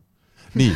aga me teeme neile rohkem reklaami, ma ei tea, oota, mida sa ütlesid, ma ei kuulnud. me peaks, me peaks arve neile esitama just hooaja lõpus, lugema kokku, palju me oleme Selverit maininud siin saates. aga Gert, on sul lemmikklubi? no kasvõi naistest no. või meestest. Naistest on nagu raske, sest mul on igas klubis nagu häid sõpru ja selles mõttes on nagu keeruline, aga ma ei tea, võib-olla sel hooajal ma hoidsin nagu Võrule pöialt, sest mul nagu, mulle just see meeldis, et Eliise nagu niimoodi möllas igal pool ja, ja sai nagu niisuguseid asju teha, et, et selles mõttes, aga meestest ma ei tea, ma tegelikult ma ma olen küll nagu päris ilma naljata, ma olen Selverile nagu pöialt hoidnud, Mm. aga hmm, nagu juba enne, enne juba isegi, et jah, mul on siin koondise treener, vaata ka praegu istub üle laua, peab valima neid sõnu. väga hästi, kusjuures jube, Gert on selline juba oskab nagu suhteid luua. poliitik täitsa. me üldiselt si- põletame siin sildu selles saates, aga sa oled nagu ma olen see rahutooja. suutnud nagu endast hea mulje siin jätta kõigile, vähemalt esimese saate põhjal. Andres, sinu lem- lemmikklubi, kuidas seda sõnastad? mul ei ole, ei ole lemmikklubi., Paide Heres. ma olen ainult mina ise. Mis klubi siin on ainult mina ise, ei, eks praegult on nagu selge ju, see on, see on Selver. Mhm. nii et mi- mis, sa jah, seda küsimust pole mõtet küsida ju. mina ei saa ka midagi öelda. ma ei, noh, retro võrkpalliklubi Rahvaliigas mulle väga meeldib, aga, aga mitte tulemuste pärast. Läheme edasi, Markus küsib teise küsimuse ka. kumb kapten on parem, kas Gert Toobal või Keit Pupart? vot selline küsimus. väga tegelikult see ei ole üldse huvitav või selles mõttes väga lihtne et äh, Gert Toobal on koondises olnud peatreener ja, ja ta on olnud, olnud kapten. tähendab, vabandust, kapten no,. hull asi, hull asi. jah, küll ta kunagi peatreeneriks ka saab. et äh, klubis ma arvan, väga paljud ei ole temaga koos mänginudki, et selles mõttes ja, ja samamoodi Pupiga ei ole, ma arvan, väga paljud klubis koos mänginud, et sul on suht üks, üks näide ainult ees selles mõttes, et et noh, teadupärast Gert on ju enne Final Fouri vastaks kiital lamp, aga no saab oma asjadega hakkama, enam-vähem, enam-vähem. nibin-nabin. jah, meil on enne finaalturniiri teine meeskond või teine mees, kellest räägime, on Pupart, kes mängib siis Saaremaa ridades, nii et äh, no teda peaks hindama, ma arvan, keegi, keegi sealt Saaremaalt, et raske on niimoodi välja tuua ausalt öeldes, kui, kui ei ole kokkupuudet olnud, ei tea. jah, see, mis nagu välja paistab ka, et noh, pigem ma arvan, need mehed saavad väga hästi aru, kes nagu on, on seal mängus sees ja oskavad seda hinnata, et me siit kõrvalt võime öelda, et on hea mängija, aga mitte see, et me ei saa ju täpselt aru, et ke-, kellele ta ja mida ta õigel ajal ütleb. noh. mina tegin Saaremaa võrkpalliklubiga kolm päeva trenni siis, kui Pupartit seal veel ei olnud. seal oligi, see oli enne seda hooaega, kui ta lõpuks siis see millalgi oli sügisel põhimõtteliselt tuli sina. kapten ja no võib ka nii öelda ja siis nähti, et minust ikkagi asja ei saa ja võeti sügisel Pupart nagu ära, et, et ma ei oska öelda, kas ta on hea või mitte, aga, aga läheme järgmise küsimuse juurde ja ärme peatu minul. nii mm. -hmm, mm -hmm. Erika küsib, tere, Alar Rikberg ütles oma intervjuus Märt Roosnale, et astuks Eesti koondise etteost-, etteotsa, kui tuleb põlvkondade vahetus. pange kokku meeskond Alar Rikbergi juhendamiseks pärast põlvkondade vahetust kes võtab üle Gert Toobali, Rait Rikbergi, Oliver Venno, Martti Juhkami, Andrus Raadiku ja Ardo Kreegi positsioonid. Täht ja Tammemaa jääksid, seda juba Erika teab, et Täht ja Tammemaa jääksid. millal oleks õige aeg selliseks põlvkondade vahetuseks ja kaua läheb aega, et see koondis samaväärselt praegusega suudaks mängida? Kas võiks sama kiirelt edu tulla, kui korvpallikoondisega tuli? mina esiteks ütlen oma arvamuse alati ära, mingi vägisi põlvkondade vahetus on minu arust vale asi, eriti kui võistkond on nagu korralikul tasemel teha vägisi mingeid asju, koondis on selline asi, kus sul võetakse selle aasta paremad mehed, kes sobivad kokku mänguliselt äh, ja ka psühholoogiliselt äh, ja mingit nagu vägisi, miks meil korvpallis tehti põlvkondade vahetus, oli see, et meil ei olnud eelmist generatsiooni mm. Meil ei olnud häid mängijaid, kes on täna siis ütleme vanuses kakskümmend neli kuni kolmkümmend, lihtsalt ei olnud selliseid mängijaid, see oli nagu sunnitud tegu. ideaalis ongi niimoodi, et seal tuleb niimoodi tilku poolt käib see, kes ja. tuleb ja, ja võib-olla mõni käib sisse-välja sealt onju, aga aga eks see on niisuguse väikse riigi probleem, kus tekivad teatud põlvkonnad, kus tuleb ja siis jälle ei tule ja, ja see on niisugune väike paratamatus. ma nüüd ei saa öelda, et meil siin viimasel ajal on isegi tegelikult okei okay olnud, et on mingid päris äh, pikalt äh, ühed vanemad mehed sees olnud, on ju, aga siis on nagu tulnud ikkagi ikka vaikselt nagu peale, mitte et niimoodi, et päris, ma ei tea, viie ja seitsmeaastaseid niimoodi pause. et ma arvan, et siin niisugust päris, päris niisugust mingit põlvkondade vahetust no, see, sellis-, sellisel juhul juba peaksid olema siit kõik äh, Teppan ja Täht ja kõik niisugused ka nagu väljas, et äh, et praegult nemad hakkavad nagu ikkagi siis selle juba kogenumad nagu selle faasi võtma ja tulevad noored juurde, aga nende põlvkond tegelikult oli juba piisavalt palju mehi, seal Aganitsad, Tähed, kõik asjad, et et me siin jah, räägimegi siin mingitest meestest, tempodega meil ei ole ju probleemi, on ju, nurkades on ka samamoodi, tuleb peale, noh, sidedega on nüüd see, see võitlus, et kes nüüd nagu pead tõstab nendest kolmest. ja tegelikult nagu ei ole ka, noh, kui noh, sealt nagu see peab igal juhul tekkima ja, ja liberal on noh, libero positsioon on ka nüüd jälle see, see koht, kus, kus Maar peab hakkama tegema neid tegusid, ega siin ei ole noh, ei olegi nagu midagi teha, näed. tulles selle Kossu asja juurde veel korra, noh, mulle ikkagi natukene, mul on tõsiselt hea meel, et on pead tõstnud mingid uued, uued näod ja uued mehed, kellel võib-olla tõesti tulevik tundubki helge, aga pakub natuke nalja see, kui vähe on vaja, et rääkida, et retsid, retsid saavutused ja teod on tehtud, et ähm, võideti ühte mingit äh, mitte nii väga korvpallimaad ja, ja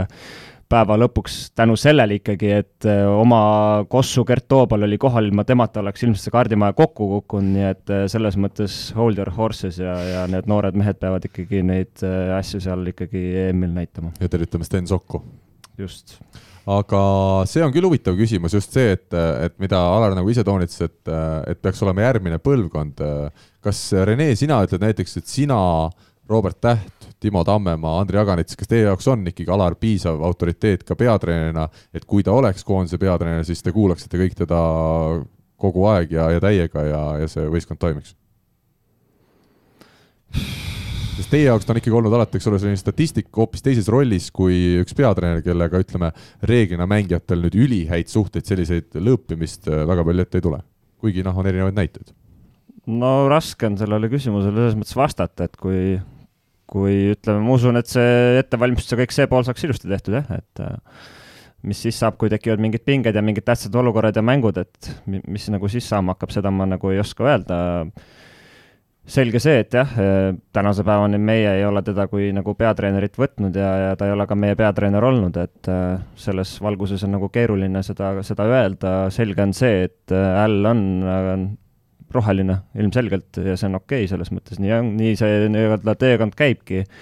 täna Tartuski, ega selles mõttes huvitav oleks näha, mis ta teeks siis, kui oleks Mehhikest ja Kerti seal kõrval, kes hoiavad selle riietusruumi korras, et et eks ta samm-sammult peab neid nagu challenge eid nagu võtma ja tegema, et, et mingi hetk ta peabki nagu meelega võtma mingisuguse sellise karakteriga mängija võistkonda, keda on vaja ohjata temal endal. Ja, ja, ja, ja see on niisugune noh, tema enda karestamiseks ja, ja, ja niimoodi õpitaksegi, et täna, täna ma ikkagi ütlen, et seal ei ole väga raske peatreener olla, et nii nii mõnigi mees saaks seal selles mõttes ütleme, autoriteedi osas hakkama.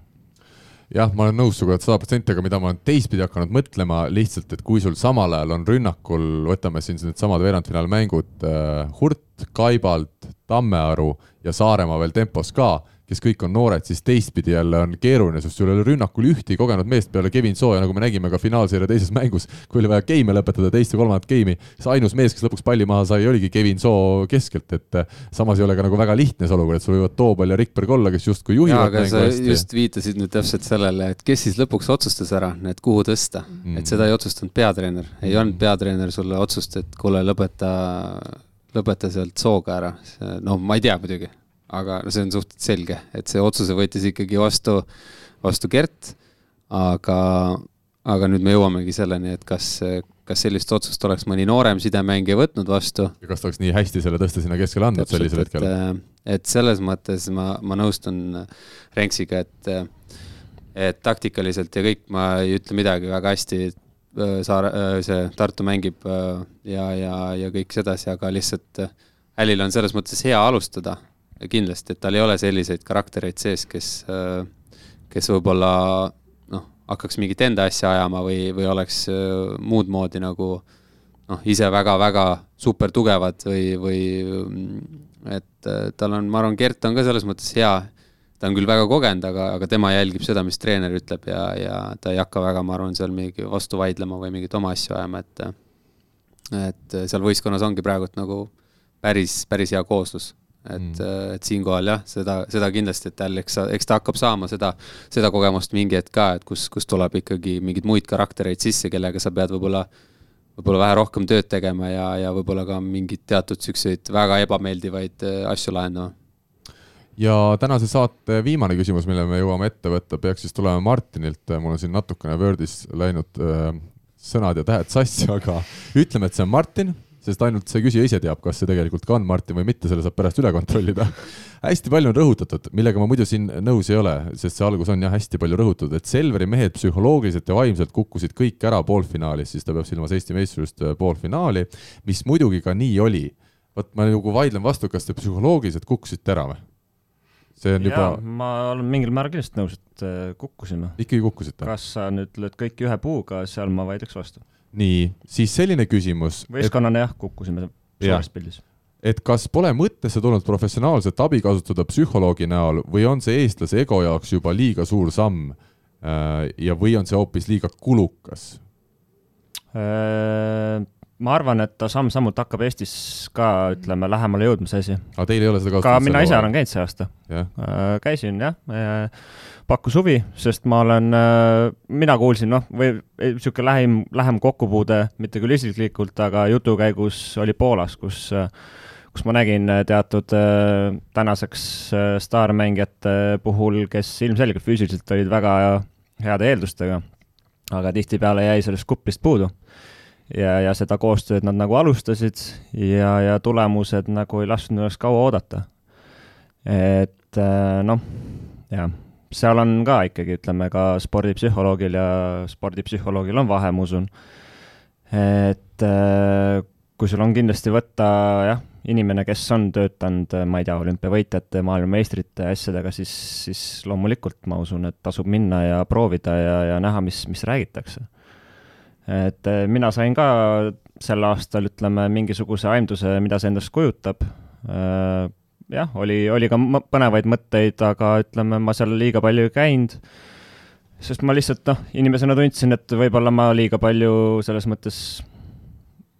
ma ei taha öelda, et kasu ei saanud, aga, aga ütleme, ma tahtsin pigem näha, mis, mida, mida see endast kujutab ja selle, selle nagu aimduse ma sain et, et aga see kindlasti, kindlasti nagu on teema, lihtsalt eh, täna ma jään vastuse võlgu, kuidas, kuidas meie turg ka selles osas taseme poolest on? Äh, ma võin omalt poolt öelda, et ma olen siis nagu noh, ma nimetan seda nagu mental coaching, et mm, -hmm. et see vist sellest ajast, kui ma Soomes oma teist aastat alustasin, et äh, et olen sellega nagu tegelenud suht regulaarselt ja mulle mis tähendab nagu, tegelenud? et äh, mul on mental coach kes, äh, kui mul on mingisugune selline noh, mingi raskem hetk või, või ma tunnen, et ma olen nagu peas on midagi nagu täiesti kinni või et ma teen trennis mingeid asju, mis nagu öö, segavad mind või ei lase mul nagu teha seda, mis ma tegelikult oskan, siis ma just võtangi temaga ühendust, räägime natuke sellel teemal, ta annab oma mingisuguseid input'e ja mina tunnen mind, et mind see on nagu aidanud. Eks see on iga inimese jaoks erinev, aga selles mõttes ma oma, omast kogemusest küll kindlasti nagu soovitan, jah. mina ei oska mänguliselt äh, rääkida, kuna ma ei ole kunagi tippsporti teinud ja ei ole selliseid võib-olla tähtsatel hetkedel mingeid küsimusi selles osas ette tulnud, aga minu arust, kas, kas võib mingil määral tõmmata nagu võrdusmärgi hea psühholoogi ja parima sõbra vahel? Et mina pean küll ütlema, eluliselt on mul, mul on selline, mul on vedanud elus, mul on parim sõber, kellega ükskõik mis teemal ma räägin, ma alati lähen nagu tema juurest ära sellise tundega, et tegelikult on kõik hästi, isegi kui ma enne olen sinna läinud mõttega, et uh, nüüd on kõik läbi. ta on ikka hea valetaja võib-olla ka või no.? kindlasti, ega hea sõber ongi, selles suhtes, ta teab õigel hetkel, milliseid niite tõmmata, aga olete te nõus sellega, et kui sul on tegelikult mingi väga hea sõber, kellele saad kõike rääkida, kes oskab sind ka kuidagi nagu lihtsalt panna paremini tundma, siis see, siis see ongi nagu hea psühholoog ka jaa, siin on noh, muidugi see, et kui sul on nagu reaalselt äh, spordialaselt midagi ja see hea sõber näiteks ei tea spordist mitte midagi, et see on mm. nagu see koht, kus äh, pigem ole vait. ei noh, alati võib öelda, aga lihtsalt teine asi on see, et palju sa nagu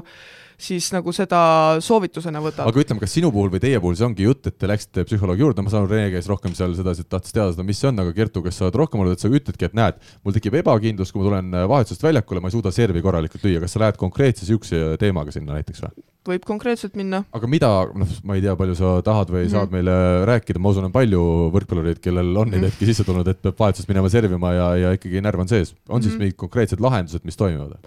Äh, nojah, selles mõttes äh, ma ei tea, kas see on nagu üks konkreetne lahendus, mis nagu kõigi jaoks toimib, eks sa pead natuke katsetama, aga, aga ja teine asi on see, et ega sa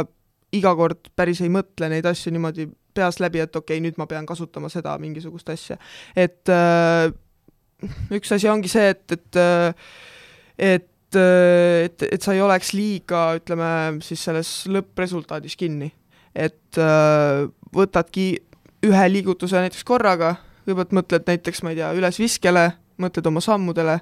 lähed teed nagu selle ära, et sa ei mõtleks selle peale, et äkki nüüd tuleb viga. et sa muudad oma mõtlemises fookust jah, üldiselt küll, jah. ja see on äh,, sinu kogemus on näidanud, et pigem on selline asi toiminud? Jah. Rene ja Andres, on teil siin lisada midagi selle küsimuse no aga ongi, ega see selles mõttes ei peagi tähendama seda, et oh, keegi on vaimselt jube nõrk ja, Ja, ja, ja, ja teeme tast tugeva selle isiksuse, et kas või näiteks äh, sa suudad võib-olla läbi selle oma protsessi kiirendada, et eks mm. -hmm. eks me kõik oleme noored ja, ja, ja on mingid pabinad ja mingid asjad, mis, mis võib-olla nagu suudaks ka minetada, ütleme aja jooksul, aga võib-olla see abi nagu suudab seda kiiremini nagu kuidagi progresseerida ja teadupärast sportlaskarjäär on lühike ja, ja iga abi ja selline asi on ju teretulnud, et äh, kahjuks me liiga kaua noored ei ole ja sporti ei tee. ja lõpuks, kui on mingisugune pingeline olukord mingis mängus, siis äh, noh, seal võib väga palju rolli mängida see, kes on nagu, nagu mõ- mõistusega rohkem kohal ja, ja, ja suudab nagu mingi õige otsuse teha hästi lühikese aja jooksul. selge, ma olen ka kogenud vastupidist näidet äh, kergejõustikus, et kui on läinud inimesed, kellel nagu kõik on hästi iseenesest, ei ole midagi halba, aga on Rene juba naerab. ikka läinud. ei no selles suhtes, et tahetaksegi minna vaatama, et äkki saab veel midagi juurde, aga siis paneb psühholoog mõtlema mingitele asjadele, millele vale, varem pole tähelepanu pööranud ja hoopis sa hakkad nagu üle mõtlema, et Mm. näed, et ma ei tohi nii käituda, et näed, et see ei ole nagu hea, mis ma olen siiani teinud ja siis läheb hoopis fookus sellest äh, sooritusest või äh, või ütleme hüppest äh, mujale, et no eks see ongi nii individuaalne mm, -hmm. et üks asi on see, mis inimene sa is- sa ise oled, teine asi on see, milline on see sinu noh, spordipsühholoog selles mõttes, et, et neid on ka kindlasti väga erinevaid. ja just, et, et äh, vahel need, ma arvan, omavahel nagu need isikud nagu ka ei, ei klapi lihtsalt. inimlikul tasandil jah. jah, sa pead ikkagi mingi tasakaalu selles mõttes leidma, et ma arvan mm. -hmm. võrkpall ikkagi on niisugune mäng, kus, kus see nii-öelda pohhuism ja bad boy või girl siis nagu ikkagi peab ka jääma, et, et jah, sa võid sinna juurde nii-öelda upgrade'e ja lisasid nagu tekitada, aga, aga üldine nagu ikkagi mentaliteet kui selline nagu nagu mingil määral ikkagi peab nagu säilima, kui sa vaatad kas või oma ala tippe, siis, siis sa näed seda läbivat joont seal, et keegi päris eh, noh, enne servi rätsepistesse senne ei pane seal, et noh, ikkagi on sellised vihased ja pohhuistlikud pilgud silmis kõigil. Palju pärast mängu panevad äh, rätsepa istmes seda senni, on teil võistkonnas vahel olnud mõni selline mees? usklikud on küll selle jutu järgi paljud olnud, aga teod ei näita seda, aga laupäeva õhtused teod on kuidagi teistsugused, selge. kellele me anname Grade kakskümmend neli meistriliiga pusa seekord, ma arvan, kaks viimast küsimust, Saar Rikbergi siis ütleme ja selle koondise põlvkonna vahetuse ja viimase küsimuse ehk psühholoog, psühholoogilise poolega see viimane, ma arvan. viimane. inimene, kelle nimi praegu mulle päris täpselt selge ei ole, on võitnud meil pusa. palju õnne sulle, kindlasti me leiame su õige nime ja aadressi üles, nii et äh, saame sinuga ühendust võtta.